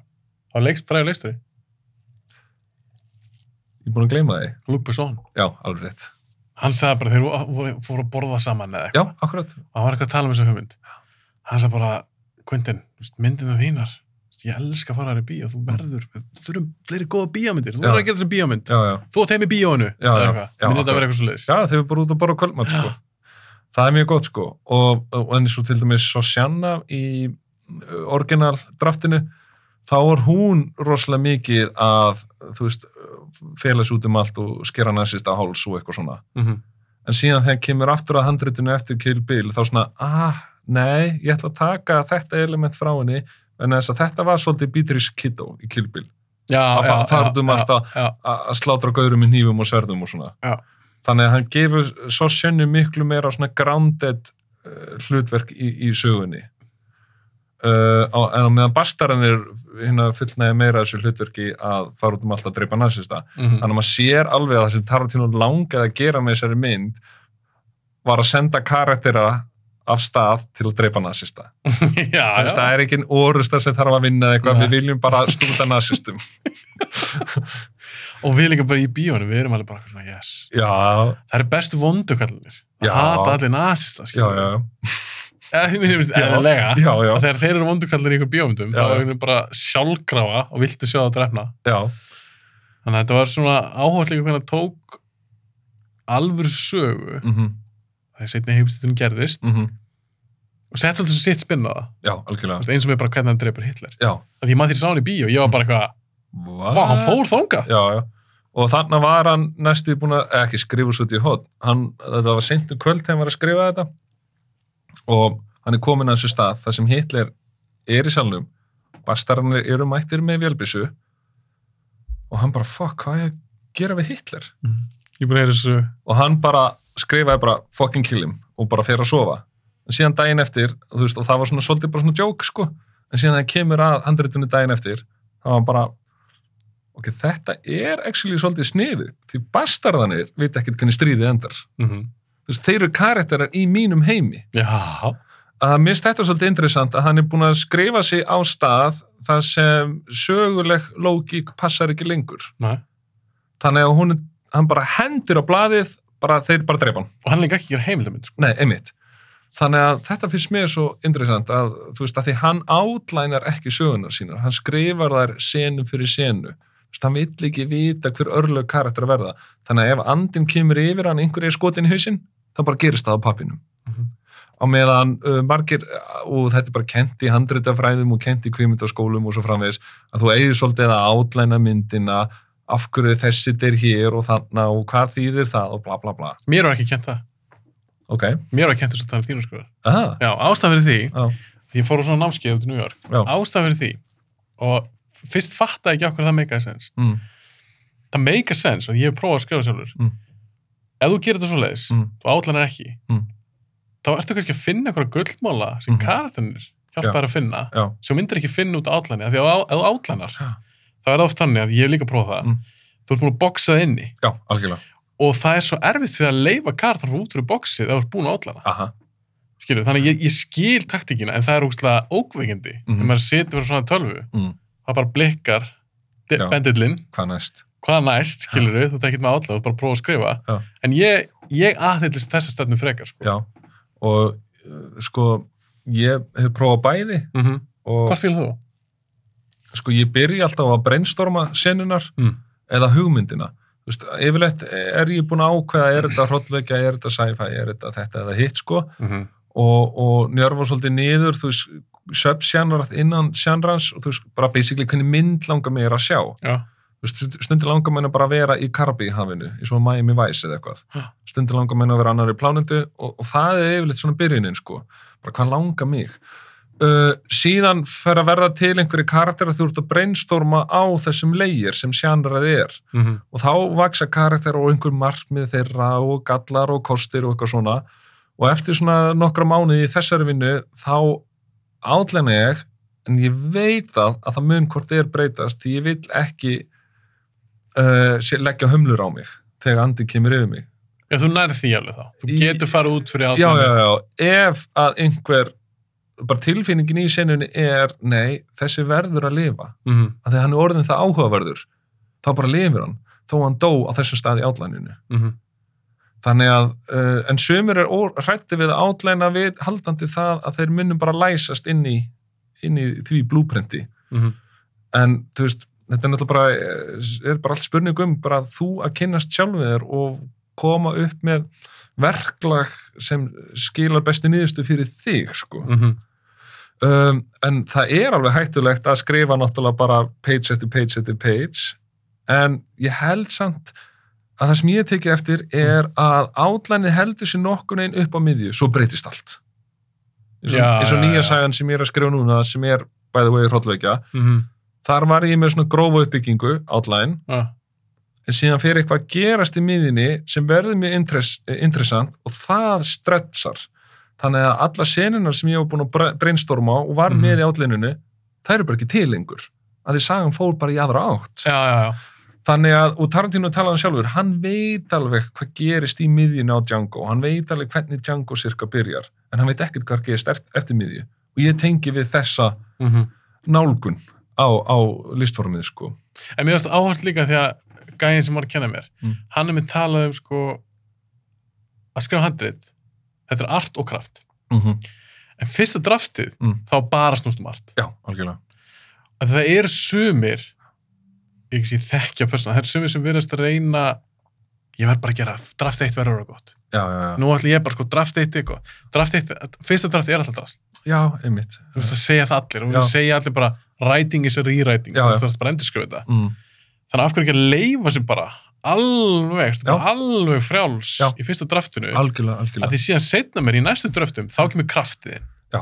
þá getur þú farið með það þess að dítela og struktúra Já, já. betur og og þetta já, og þetta og svona mm. en já, ég minnst áhverst að hann gerir þetta svona Já. hann fyrir svolítið svona leiður svolítið kartunum að fara með sér ferðalag já, akkurat, og hann skrifaði alltaf á kaffihúsum fyrst mm -hmm. ungu maður, hann skrifaði Pulp Fiction í Amsterdam það sést náttúrulega á Pulp Fiction Mhm, Vincent var í Amsterdam mhm. Mm. og, og svona og Tarantino ægnast fyrst að skipti pening á sinni ævi eftir Reserve Dogs þannig að þá leiði hann sér að fara út fyrir Kaliforni og fyrir til Evrópu mhm, og hann skrifar á kaffehúsum fyrstu myndina sína síðan náttúrulega verður hann ríkur og eignaðist hús í Hollywood Hills og þá er hann skrifandi svona til senni part dags og svo fer hann í sundleina sína og slakar á og þar punktar hann niður hjá sér á blað á bakkanum sko bara svona Mhm. hvað langar mér að tækla á morgun þannig að það, þannig hefur það breyst hjá honum sko bara s- settingið hvernig hann skrifar en já mhm. ok, um, bastards Bastards, geggja Æðisleg. sinur í henni uh, David Bowie sinnan Montasið, þegar hún er að klæða sig í fötin og varalita sig Mhm. og Já, kemur, síðan, það er fram, geggja kemur síðan fram í salin og sér Já. alla háttsettu nazistana geðvegt. geðvegt Með, það er uppálsinnan mín það, fi- finnst þér það betri senu fyrsta í dag, já, mér fannst fyrsta sinna Ah. best já, það er bara fílingurinn í henni sko. Já. geðvegt sko áhverst og já, bara overall ógeðslega skemmtileg mynd því ég fór á hann í bíó og smá vonbreiði því ég held þetta erði meira einhverju bastarðar að dreipa nazista ég sko. held það líka og, það komur óvart og fólk talaði mitt um það og ég meina titillin bara gefur einhvern til kynna en þegar þú horfur á myndin í senjaskiptið þá er náttúrulega búið að taka út þessa vendingar og þú ert bara að hanga með karakterunum Já. og þá er hún frábær og ég, bara margir vini mínir segja að þeir horfa á Inglourious Bastards aftur og aftur og aftur og geta alltaf orta á hana sko. þetta er uppbóðsmyndir svona Tarantino mynd hjá mörgum aðdæmdum Já, mjög mörgum. Og ég man bara, þú veist, bróði minn og góðu félagi minn og fleiri, þeir, þeir fíla hann ekki einu sinni fyrst þeir sá hana, en elsku hana svo í annarskiptið. Það er svolítið magnað. Já, ég meina, en það var spurning að þið heldur þetta var öðru sem mynd. Já. Að því hann saði líka sjálfur, Mm. þetta er svona mín menn on a mission mynd. Já, En hún var samt ekki alveg bara Benz of, þannig. hann kallar þetta Benz of Guys on a Mission. Já, Já, en þetta var Guns of the Navarone og, og Já, Dirty og Dirty Dozen, Dozen, hann Ver náttúrulega... Eagle Stare með Clint Eastwood. Já, hann neymdar bara það er mitt. Já, En svo ekki, það var, var ekki aðeins meira kjöt á beinunum, heldur en maður kannski held, skilur þetta. var svona meira inn Jú, það, og það er náttúrulega verður þá bara miklu betra fyrir endurahorf. Já, Af því algjörlega. það er meira kjöt á beinunum. Algjörlega. og bara eins og segjum sem við tölum á hann, samtölinn eru svo hlaðin, þú veist það er kannski verið að borða einhverja rjómabólur og, og það er hérna að tendla krem og hann, hún þarf að býða Mhm. eftir að fá einhverju rjómaslettu á kökuna og svo er verið að borða og, og spjalla og hann bara, heyrðu, það var eitt sem ég vildi spyrja þeim og starir á hana, nei ég glendi og dreipir síkaretinni og maður svona veit hann að þetta er svo sína dreifis Já, já, já, já. af því að það er eitt sem ég vildi spyrja þeim og myndan segja þetta ef að landa gleymir yngu Nei, nei, og er ógislega klár. ógeðslega klár þannig að hann er að fokki í henni en að þegar hann er mögulega líka búin að plana þarna Mm.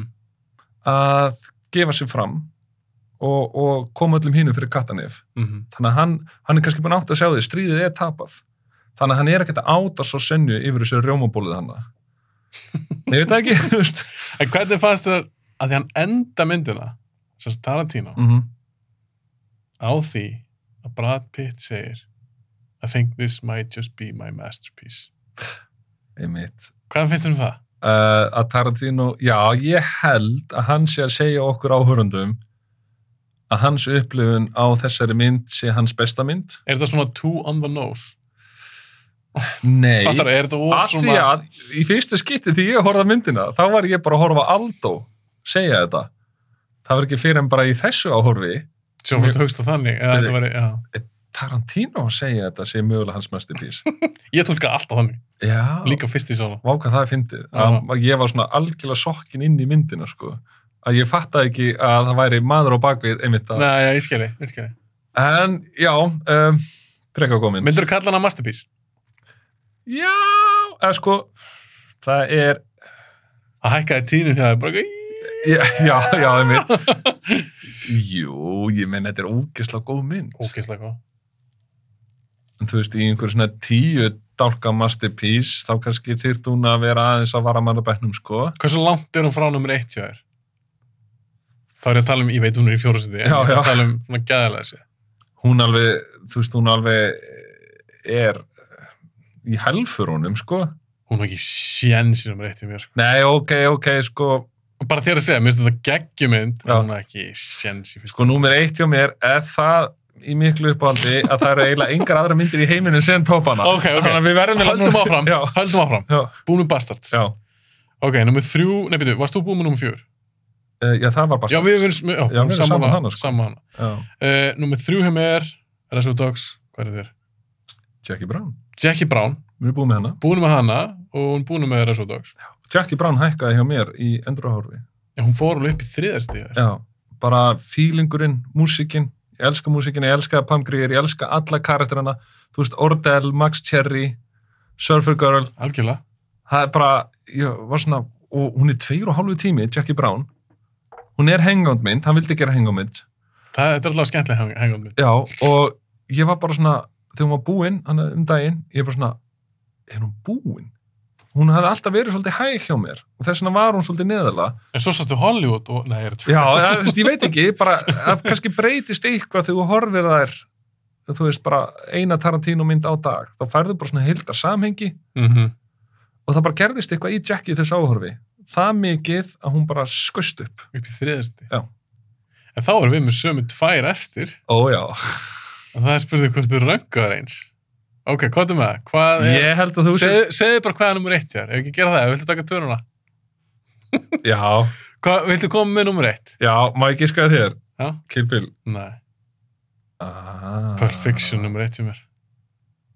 Já, ég sagði Kill Bill nummer 2, ég var að skjóta Æ, sorry! Já, já, sorry. já Ég ætla að giska númer eitt. Þannig hef ég miskilið þig kannski Já, Kill Bill er í öðru stímur. Hún er þessu til mér líka og við erum báðið með Purple fyrst Já. á þá Ah. Vá, herri, þá erum við þá með sömu toppa og sömu botna. Það er sko, nei, heit, Nei, þú sem heitur leiti á já, hann. já, en við erum með, Death Proof. við erum með sama topp og sama botn, kljóma núna eins og við sem að tala um eitthvað allt Já, annað En en svo bíómyndir. erum við alltaf sömu fjórastir, sömu sjötta. Þetta er nú mjög svipaði listar. Já, já, Ok, Kill Bill og Pulp Fiction. Það er eina myndina sem er eftir. já. Kill Bill, ok. Það byrjuðu að Kill Bill. Oh my god, því fór hann í bíó því ég var 18 ára. Mér Ég finnst þetta masterpiece. Já, ég, ég mitt, ég sá hann í smára bíó, sal 1, 18 ára gamall. Ég bara misti vitið. Einn skemmtlast að bíða fyrir aðverja mér. Ég fór hann að tvísvar og ég bara færi tvísar sinnum og mynd tvísar. Mm. Alla myndir sem ég sé í bíó hefur sé einu sinni. Já, aha. Já, bara einhvern veginn, þú veist, búandi á stað þar sem er ekki einu sinni bíó í bænum, þannig að þetta er svolítið erfiðra fyrir mig, sko. Já, emitt, emitt, En þú veist, maður bjóði Reykjavík á háskóla árunum og allt þetta, sko. En einhvern veginn, ég vill alltaf gefa myndum breyðir. Ég vill ekki alveg blóður runga þessu strax, þó ég sé spenntur, sko. emitt. En ég bara gati ekki setið á mig með kilbíl, þannig að því ég kem, þetta var einhver, þú veist, hvað kallast þetta í mentaskóla, vetrarhelgi, svona lönghelgi einhver fer ég söður, sé Kill Bill og ég bara trillist og ég man þegar ég kem út úr bíónu, ég fer að senda öllu vini minni, þið verðið að sjá þessa mynd, bara Tarantino, bara þarna er maðurinn kominn á levelu og líka við farin að senda kunningi mínum sem ég var ekkert í SMS-sambandi við, þannig að ég ekkert social media og eitthvað svona, Ég dreit, að, þannig fór ég bara í inblastuskast, ég var bara ölvaður af hrifningu og ég get ímyndað með einhverjir svona félagar, kannski ekki vínur að fá eitthvað SMS frá mér, bara hvað er snævar að senda mér og er hann eitthvað rugglar segir mér að fara einhverja mynd í bíó þú veist, ég bara misti mig sko Aha. og það sem ég fann svo cool var bara stíllinn þú veist, maður hafði ekki séð svona áður Mhm. uh, maður, ég var kung fu aðdándið þegar ég var krakki, ég horfði á svona kyminskar kung fu myndir á spólu uh, síðan elskaði ég Bruce Lee og Dragon við störu og Bruce Lee með Brandon Lee nei, hérna, Nei, J- Jason Scott Lee Jason Scott Lee, já. Jason Scott Lee, Já, fyrir já, ekki. já. þetta er allir Brandon Lee, ekki pappa sinn en hérna fannst hún alveg geggju og mér langi alltaf að læra kung fu en, en bardaglistur voru ekkert í bóði í Bólungavík skilur, það var bara fótbolti og sund eða eitthvað og ég veit það ekki, bara þetta allt einhvern veginn og kötta síðan í japanska teiknimyndan í miðinni Owen- hérna, Oren Ishikablin Mhm. og stílinn og því og tónlistin og geggja soundtrack en líka tónlistin hjá RZA hérna Wu-Tung Clan RZA? kallinn. já, já hún er geðvig Gag. bara nokkur frumsaminn trökk eins og þegar, er það ekki þegar, er náttúrulega þegar gengi lappar sem er ógeðslega mikið notað núna, það Já, er notað í já. tíma merik og allt það. Var þetta ekki frumsami fyrir Jú, Kilbel? jú, Já. og ég held Geðveikt. líka þegar Crazy 88 eru konir í kringum hana og hún er með hann og, og, Já, já, já, já, já. Og jú, ga- jú, og jú, ég sköllótt- heldur rétt, já, ég heldur já, rétt þér. og sköllóti gæði með grímina, hann heldur á svona löngu bambuspriki sem er þá náttúrulega eggvot Mhm. og þá byrjar einhver svona, einhver svona mjög cool lag Já. og, og kameran fer svona upp á hann og upp á hana og þú veist, ég var bara að fara yfir y yfir, Líka. yfir stílbröðum Ég líka, að þegar fólk verður líka átt að svo því Já. að kannski aðalega fyrir þá sem er hlustur mér kannski aðeins yngri en við þar þá voru- það voru sex ár milli mynda hjá hún mm -hmm, hann gerir Jackie bara 97 mm -hmm. hann gerir sinni ekki næst, er þetta ekki lengsta bil hjá hún svo gerir hann Jú. ekki fyrir Kill Bill fyrir 2003 2003 og það maður er bara, hvað, sex ár einmitt, og maður bara, hvað varði um kallinn? já, af því hann gerir Reservoir Dogs 92 Mm, Já, Pulp Fiction 94 mhm, bara 2 ár, mhm, svo gerir Jackie Brown 3 ár, Mhm. svo 6 ár já, og ég man, bara sem aðdándi mm, maður var alveg bara halló, þú veist, hvað Já. er, hvað er að fara að koma og, og ég hugsa, ég man ekki hugsa þetta á þeim tíma oh shit, næsta myndans verður flopp þetta Já. verður eitthvað drast Já. því að hann er búin alltaf lengi frá já, og ég man líka þegar titillinn var byrtur þú veist, þá var náttúrulega interneti ekkit í saman gýr og það er í dag Nei. maður fór upp í tölvustofu í mentaskóla þú veist, til að fara á kveikmyndi.is Mhm. eða eitthvað en annars var interneti ekkert hluti af lífinu þínu ekki svona eins og í dag Nei, en, en manns eh, svona gluggi inn í kvikmyndir var þá kannski eins og Mokkin eða, eða Mimbert Mánarins eða eitthvað slíkt og þá var tilkynnt um nýjan titil á næstu Tarantino mynd og það var Kill Bill og ég bara hvaða rimna grín er þetta? þetta er briljant Já, en svo var það briljant sko, en ég var smá smeykur. já er það, Já, að þau eru heilt titil ég bara, bara, bara las maður titilin og það var ekkert mynda úmu í brús líkalanum eða eitthvað nei, svona. nei, nei, nei, nei. Það var bara eitthvað Kill Bill en næsta mynd Tarantino eða Bana Bill og já, með bana, Bana Bill og ég er svona hvaða ég, þú veist, ég, var, ég var stressaður eins og þú sko verður þetta flopp en en það var ekki Ó, og svo, Lord, svo, svo nei. líka, það er alltaf eitt sko 2003 er mm, alltaf árið þegar meitirsmynda kom út framöldin, ég var í Loaded Revolution já Já. og sérstaklega Reloaded, það var svo geðveik mikil eftirvænting ég held að fólk fatti ekki hversu mikil eftirvending var fyrir Reloaded já, að því ég var í manni bara að segja við félagin mína Neo getur flóið í Reloaded og þeir bara ok og það vildi allir fá að sjá framhaldi af fyrstu Matrix já hey, pointum mitt er að þegar hún kemur út sérstaklega Reloaded, mm. skyggir á bara svolítið mikið einhvern veginn já, já en svo kemur Kill Bill, mm af því Tarantino var með mynd á þessu ári, mm Mhm. -hmm. eða svolítið á því ári ég gleymi ekki sá hann í bíó -hmm. ég hef sjaldan, ég sá hann, ég hef sjaldan skemmt mér jafnvel Mm -hmm. mér fannst hún trubluð og mér finnst hún ennþá geðveik Já. og við erum kannski aðalega þannig fyrstu já, en En ég meina veist- því ég horfði á hana núna aftur uh, kannski þrjú ár sinni sá hana seinast já, og ég, ég feldi tár á einu stað ah. yfir því hvað það var frábær kvikmyndagerð. Hvað var það? Ég man ekki alveg Varstu hvað ég hvað var, aðra á? ég, ég var bara í transi. Ég var ekki, ég var ekki alveg komin aftur í 18 ára snæfur í smárabíó. En þér finnst hún eldast vel? Já, Ég þessan er er, sammála. þessan er hún í öðru sæti. ég var bara, sammála. wow, hún er ennþá geðvik og, og bara, þú veist, Lady Snowblood senan í lokin. þú veist, ógeðslega flott og eins og þegar Lucy Lou fer úr skónum og byrjar að lappa á snjónum, bara einhver svona litli dítilar eru geðið veikir sko. Mynd, sko. Og Uma Thurman er rosaleg í Já. þessari mynd. mm -hmm. Mér finnst hún, ge- mér finnst hún aldrei að toppa sig. En þess að mér finnst hún toppa sig í kilbel. Já, og líka leikara f- sko, y- yfir heilan karýr hvenar færðu, s- þú veist, ef þú færð svona hlutverk Mhm. eins og þetta svona rosaleg hetja en samt komplex, þú veist, hún er ekkert að bjarga neinu, hún er að drepa fólk Mhm.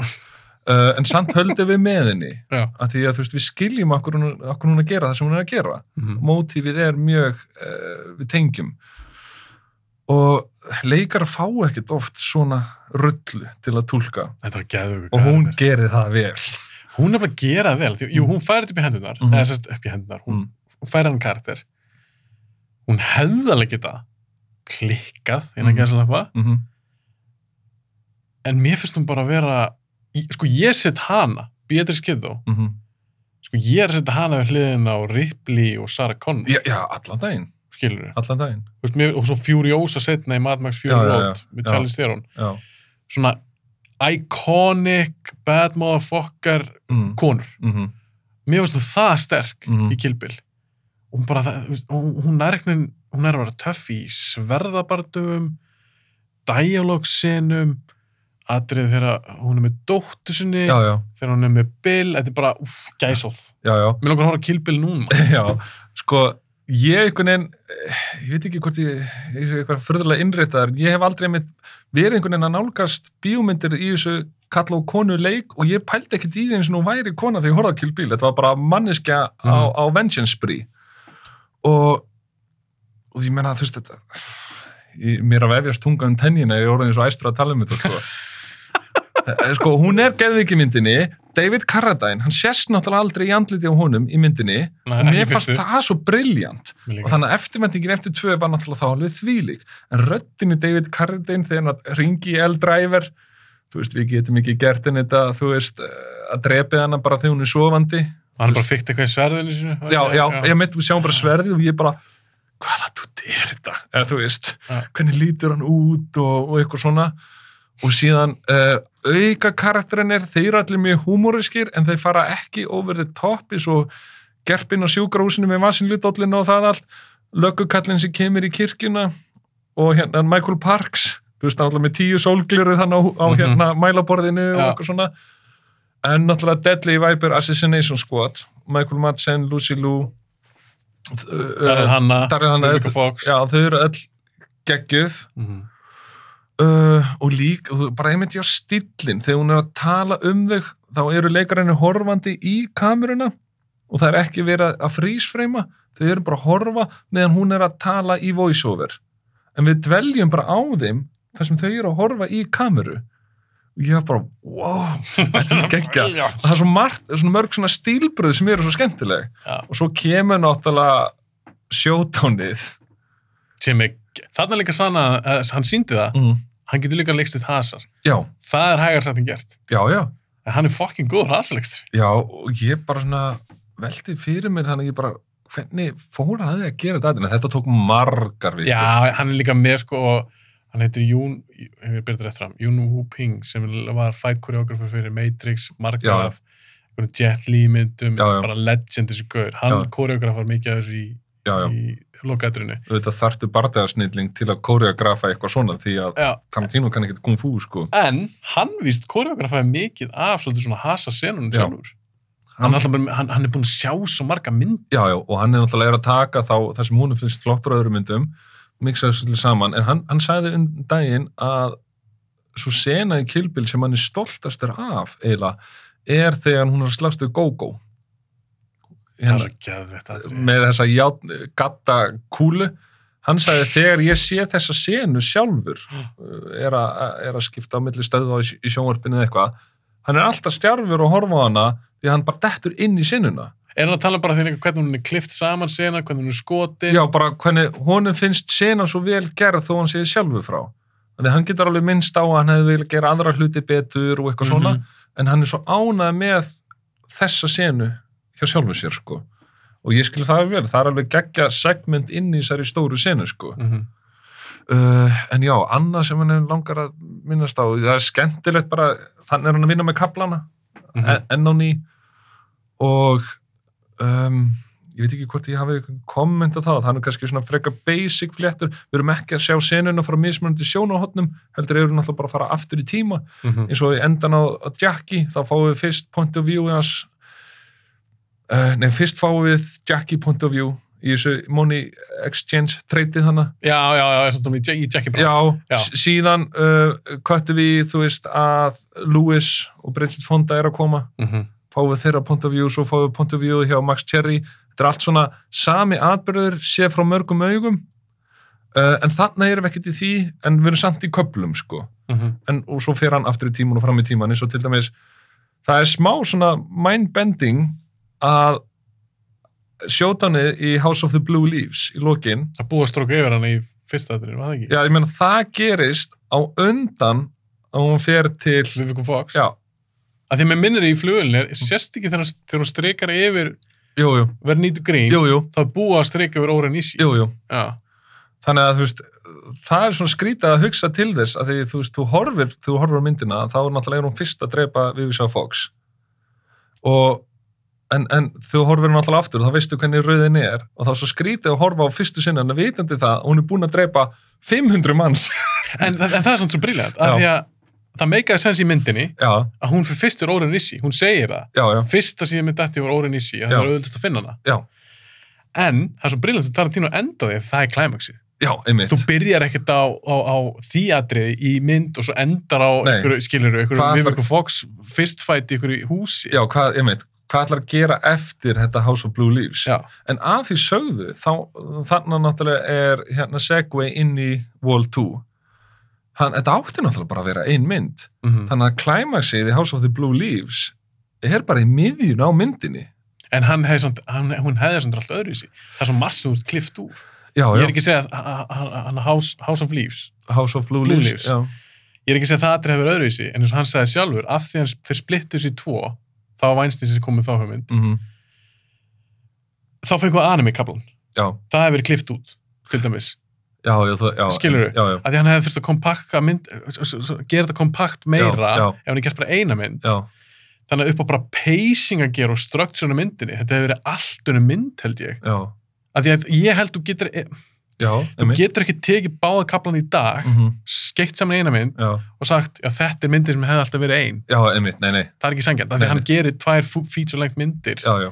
og ég- bara uppbyggingin hvað hann endar líka s- fyrsta kaplan, Mm -hmm. briljant Mhm. bara does she know her daughter is still alive Úf, búm, myndi búin, já, briljant það er rosalur endir. það er svo geggja hvernig við fáum að vita þær upplýsingar Já, já, við vissum ekki að hún var lifandi, nei, nei, finnir loki já. Mér fannst það briljant algjörlega og þessi sko vol 1, þú veist, ef við erum að þú veist, tala um henni sem eina mynd, þá er þetta bara svona eiginlega fullkomin mynd, sko Já, en mér finnst eitt betri. Já, ef, já. ef ég þarf að velja um þetta. ef ég þarf að, mið- já, já, klálega sko, mm. Mm -hmm. uh, að því að þú veist, klæmaksið í tvö er rosalega lástend Ekki, þú nærði ekkert að keppa við. nei, og stílbröðin Endan á er fyrsta. önnur uh, þú veist, hann er komin í meiri svona vestrafílingi númið tvö Mm -hmm.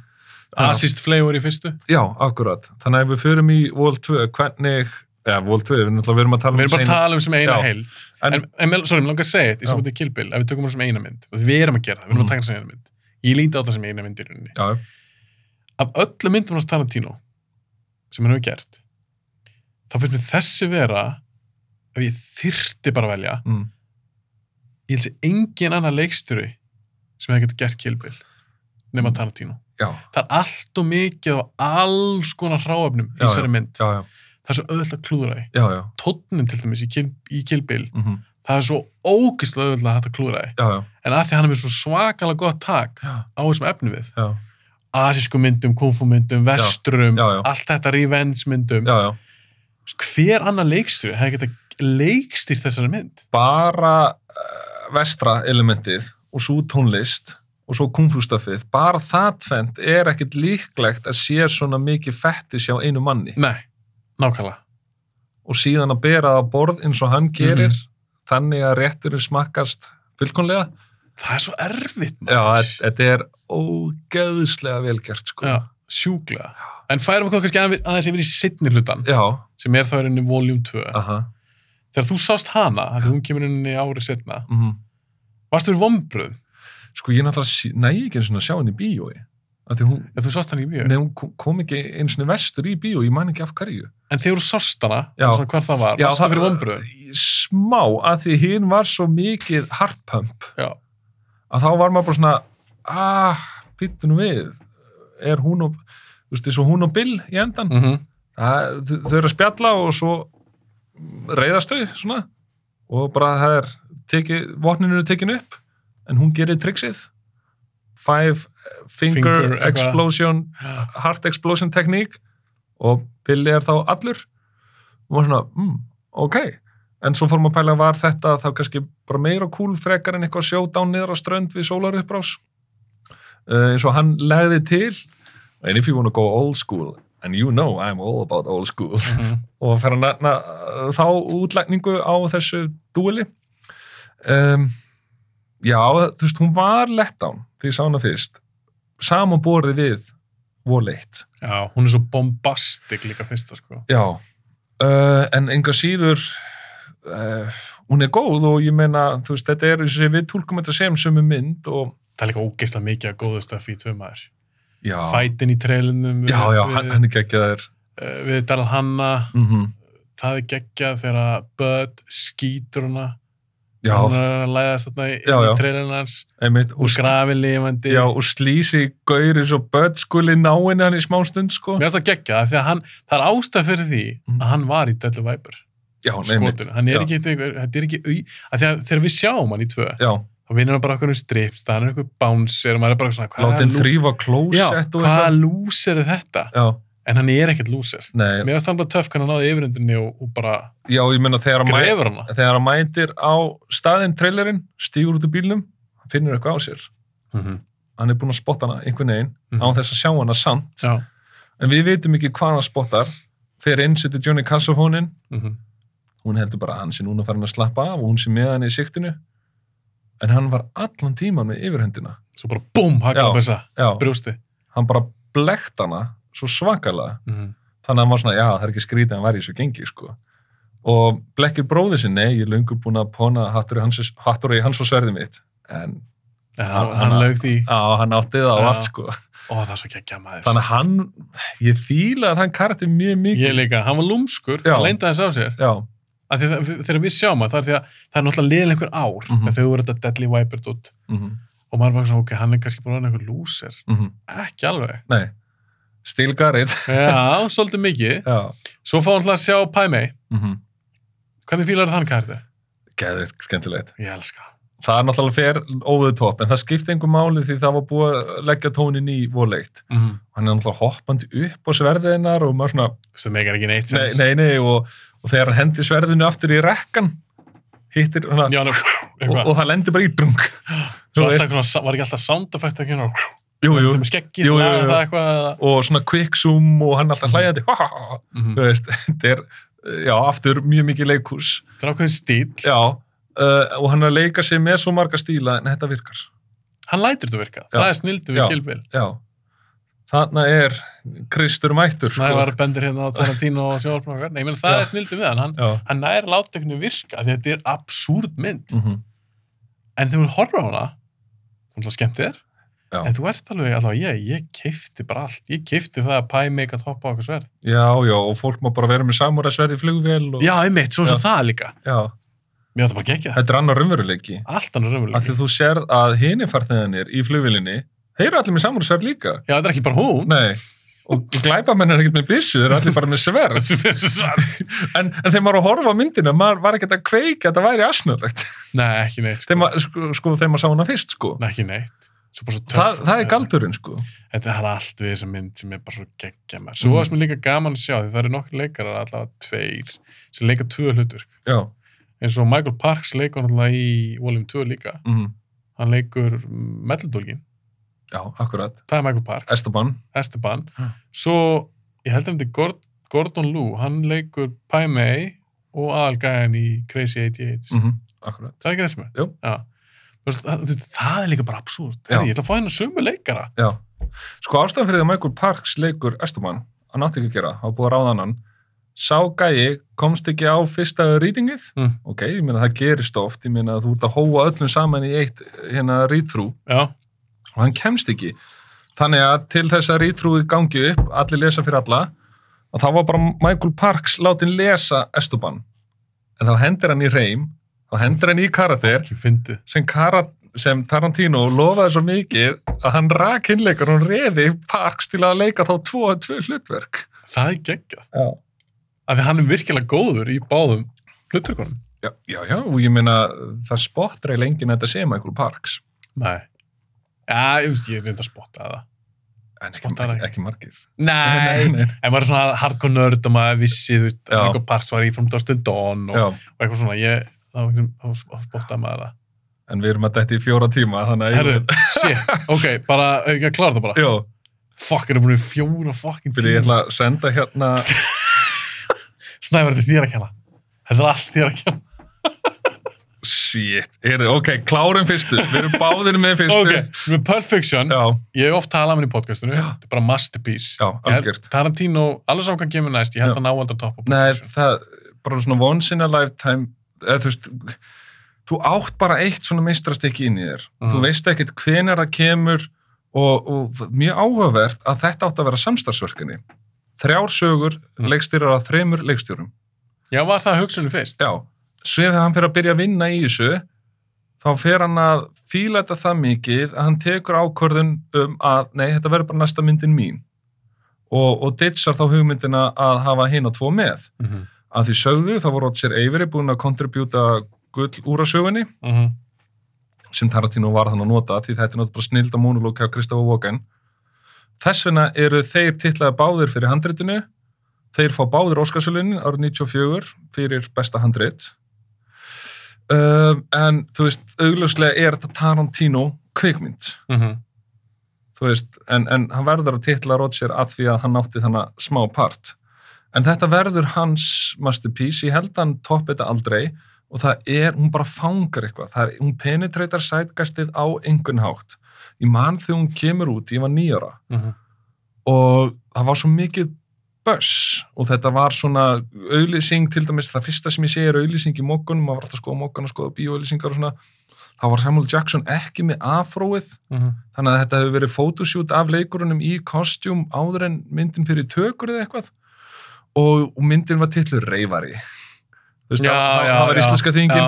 já. ógeðslega mikið af flottu stjörnugjöfum og svo náttúrulega vinnur myndin velun og ég bara, hvað er þetta? Og svo sé ég myndina, held ég, tíu ára, þegar hún er komin Mhm. að spólu og auðvitað skildi maður ekki allt, en ég sensaði þetta er cool mynd, það er eitthvað ógeðslega cool við þetta og svo Mhm. verður hún bara fljótlega mínu uppáhaldsmynd og hún er masterpiece hún er masterpiece, Masterpiece. Ég, þú veist, ég þarf kannski að hugsa með hinnar skilur aðeins að því ef maður á að fara að setja hana á hillu með Apocalypse Now eða eitthvað eitthva svoleið skilur Ég ég myndi alltaf kjósa Perfection frekar. Já, já, algjörlega, algjörlega Nei, ég bara ef við tökum bara stóra kanunennar í, Já. í kvikmyndasögunni gullæðið eftir Chaplin eða eitthvað svona, eitthvað svona svo verður að taka sem hafði áhrif og svona, já, já. þá Sé er ég. Perfection alltaf hana því hún hafði líka svo mikil áhrif eftir að Perfection kemur út Jésús minn, mikið af copycat sem komum þá bara á færibandi sko.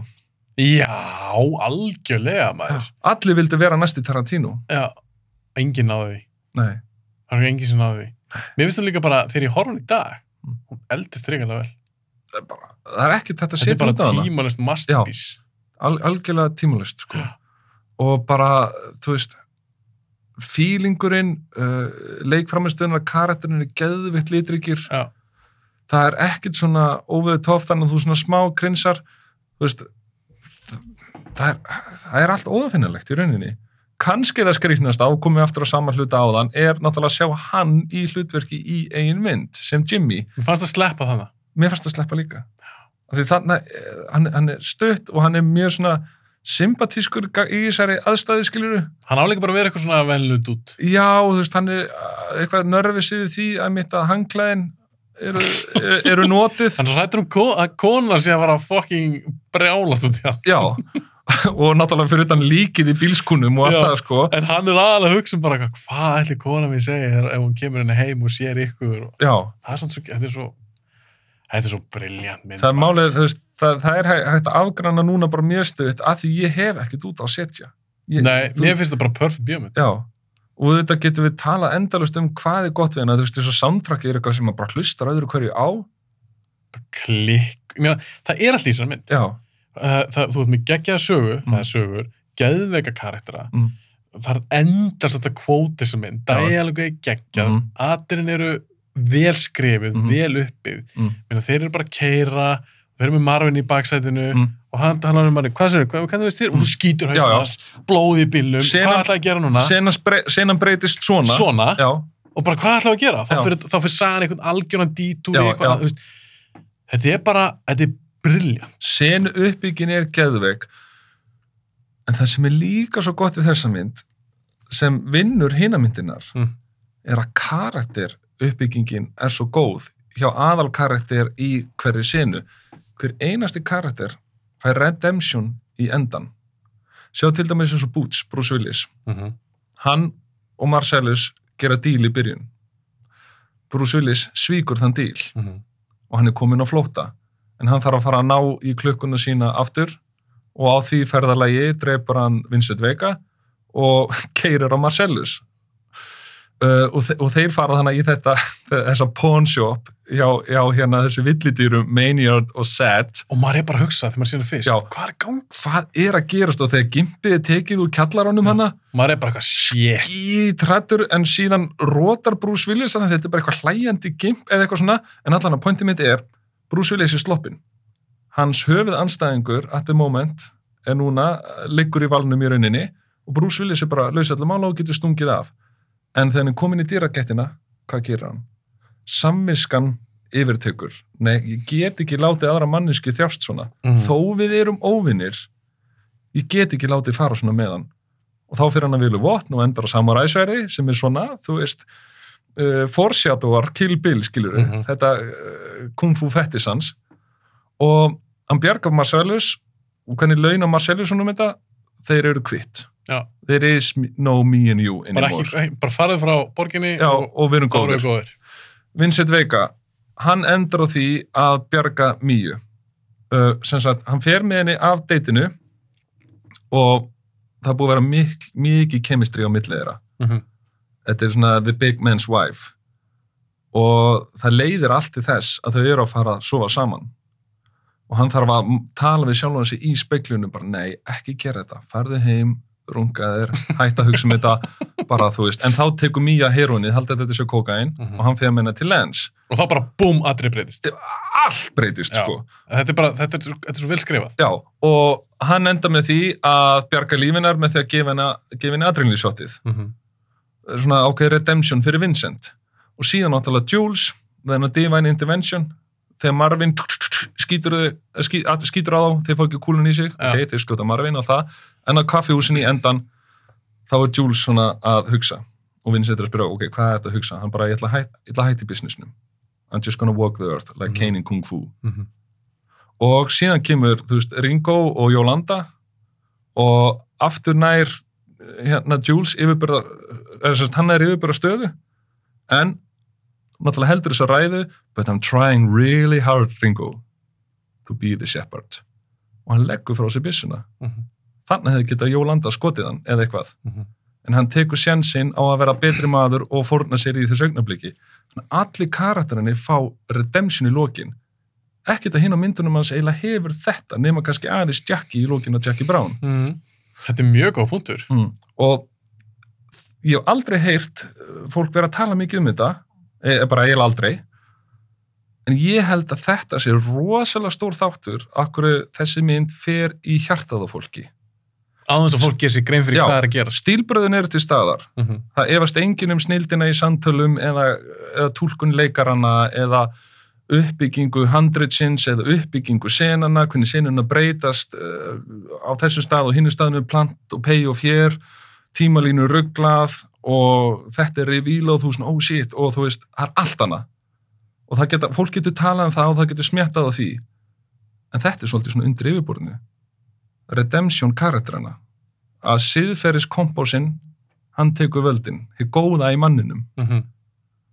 þó þessi gangsterar Já, þetta, eh, þetta eru á, þetta eru geggjórð, bara stutt í lokin. Já. Þetta, er- þetta, er- ég, ég verði að hafa þetta bara túpartir. Já, ok, já. Bara, þetta er svo langu þáttum. Já, það er verið að kú- að búa- það- það er búið að sækja mig að vera að býða eftir mig fyrir utan Ok, bara alveg í lokin. já, já. Það sem er líka svo töff við, við Perfection, Mm. ólíkt kannski mörgum öðrum myndum hans, það er ástæð fyrir m- eiginlega öllum atriðum eins og atrið mónlóki með úrið, Mhm. með Kristof Walken. Ef þú klippað á myndinni, þá erum við ekki alveg að kaupa þegar að Boots fer tilbaka og sækir það. Akkurat Nöðsöld að hafa þetta. Já. Þannig að hann er snillingur í þessu. Já. Og Perfection er bara hans masterpiece. Já, Fyrir maður stútt þessu, sem já, það var. já, Takk hérlega fyrir að koma. já, takk Ég, segi, ég ætla að hafa þetta túpartir, ég Já. ætla bara að búa til eitthvað sér intro og bara segja fólki bara, ég ætla bara að kötta hann í tvend. Þetta Já, er, ger bara Tarantino viku já, bara takk aðeins fyrir að koma takk hérlega fyrir mig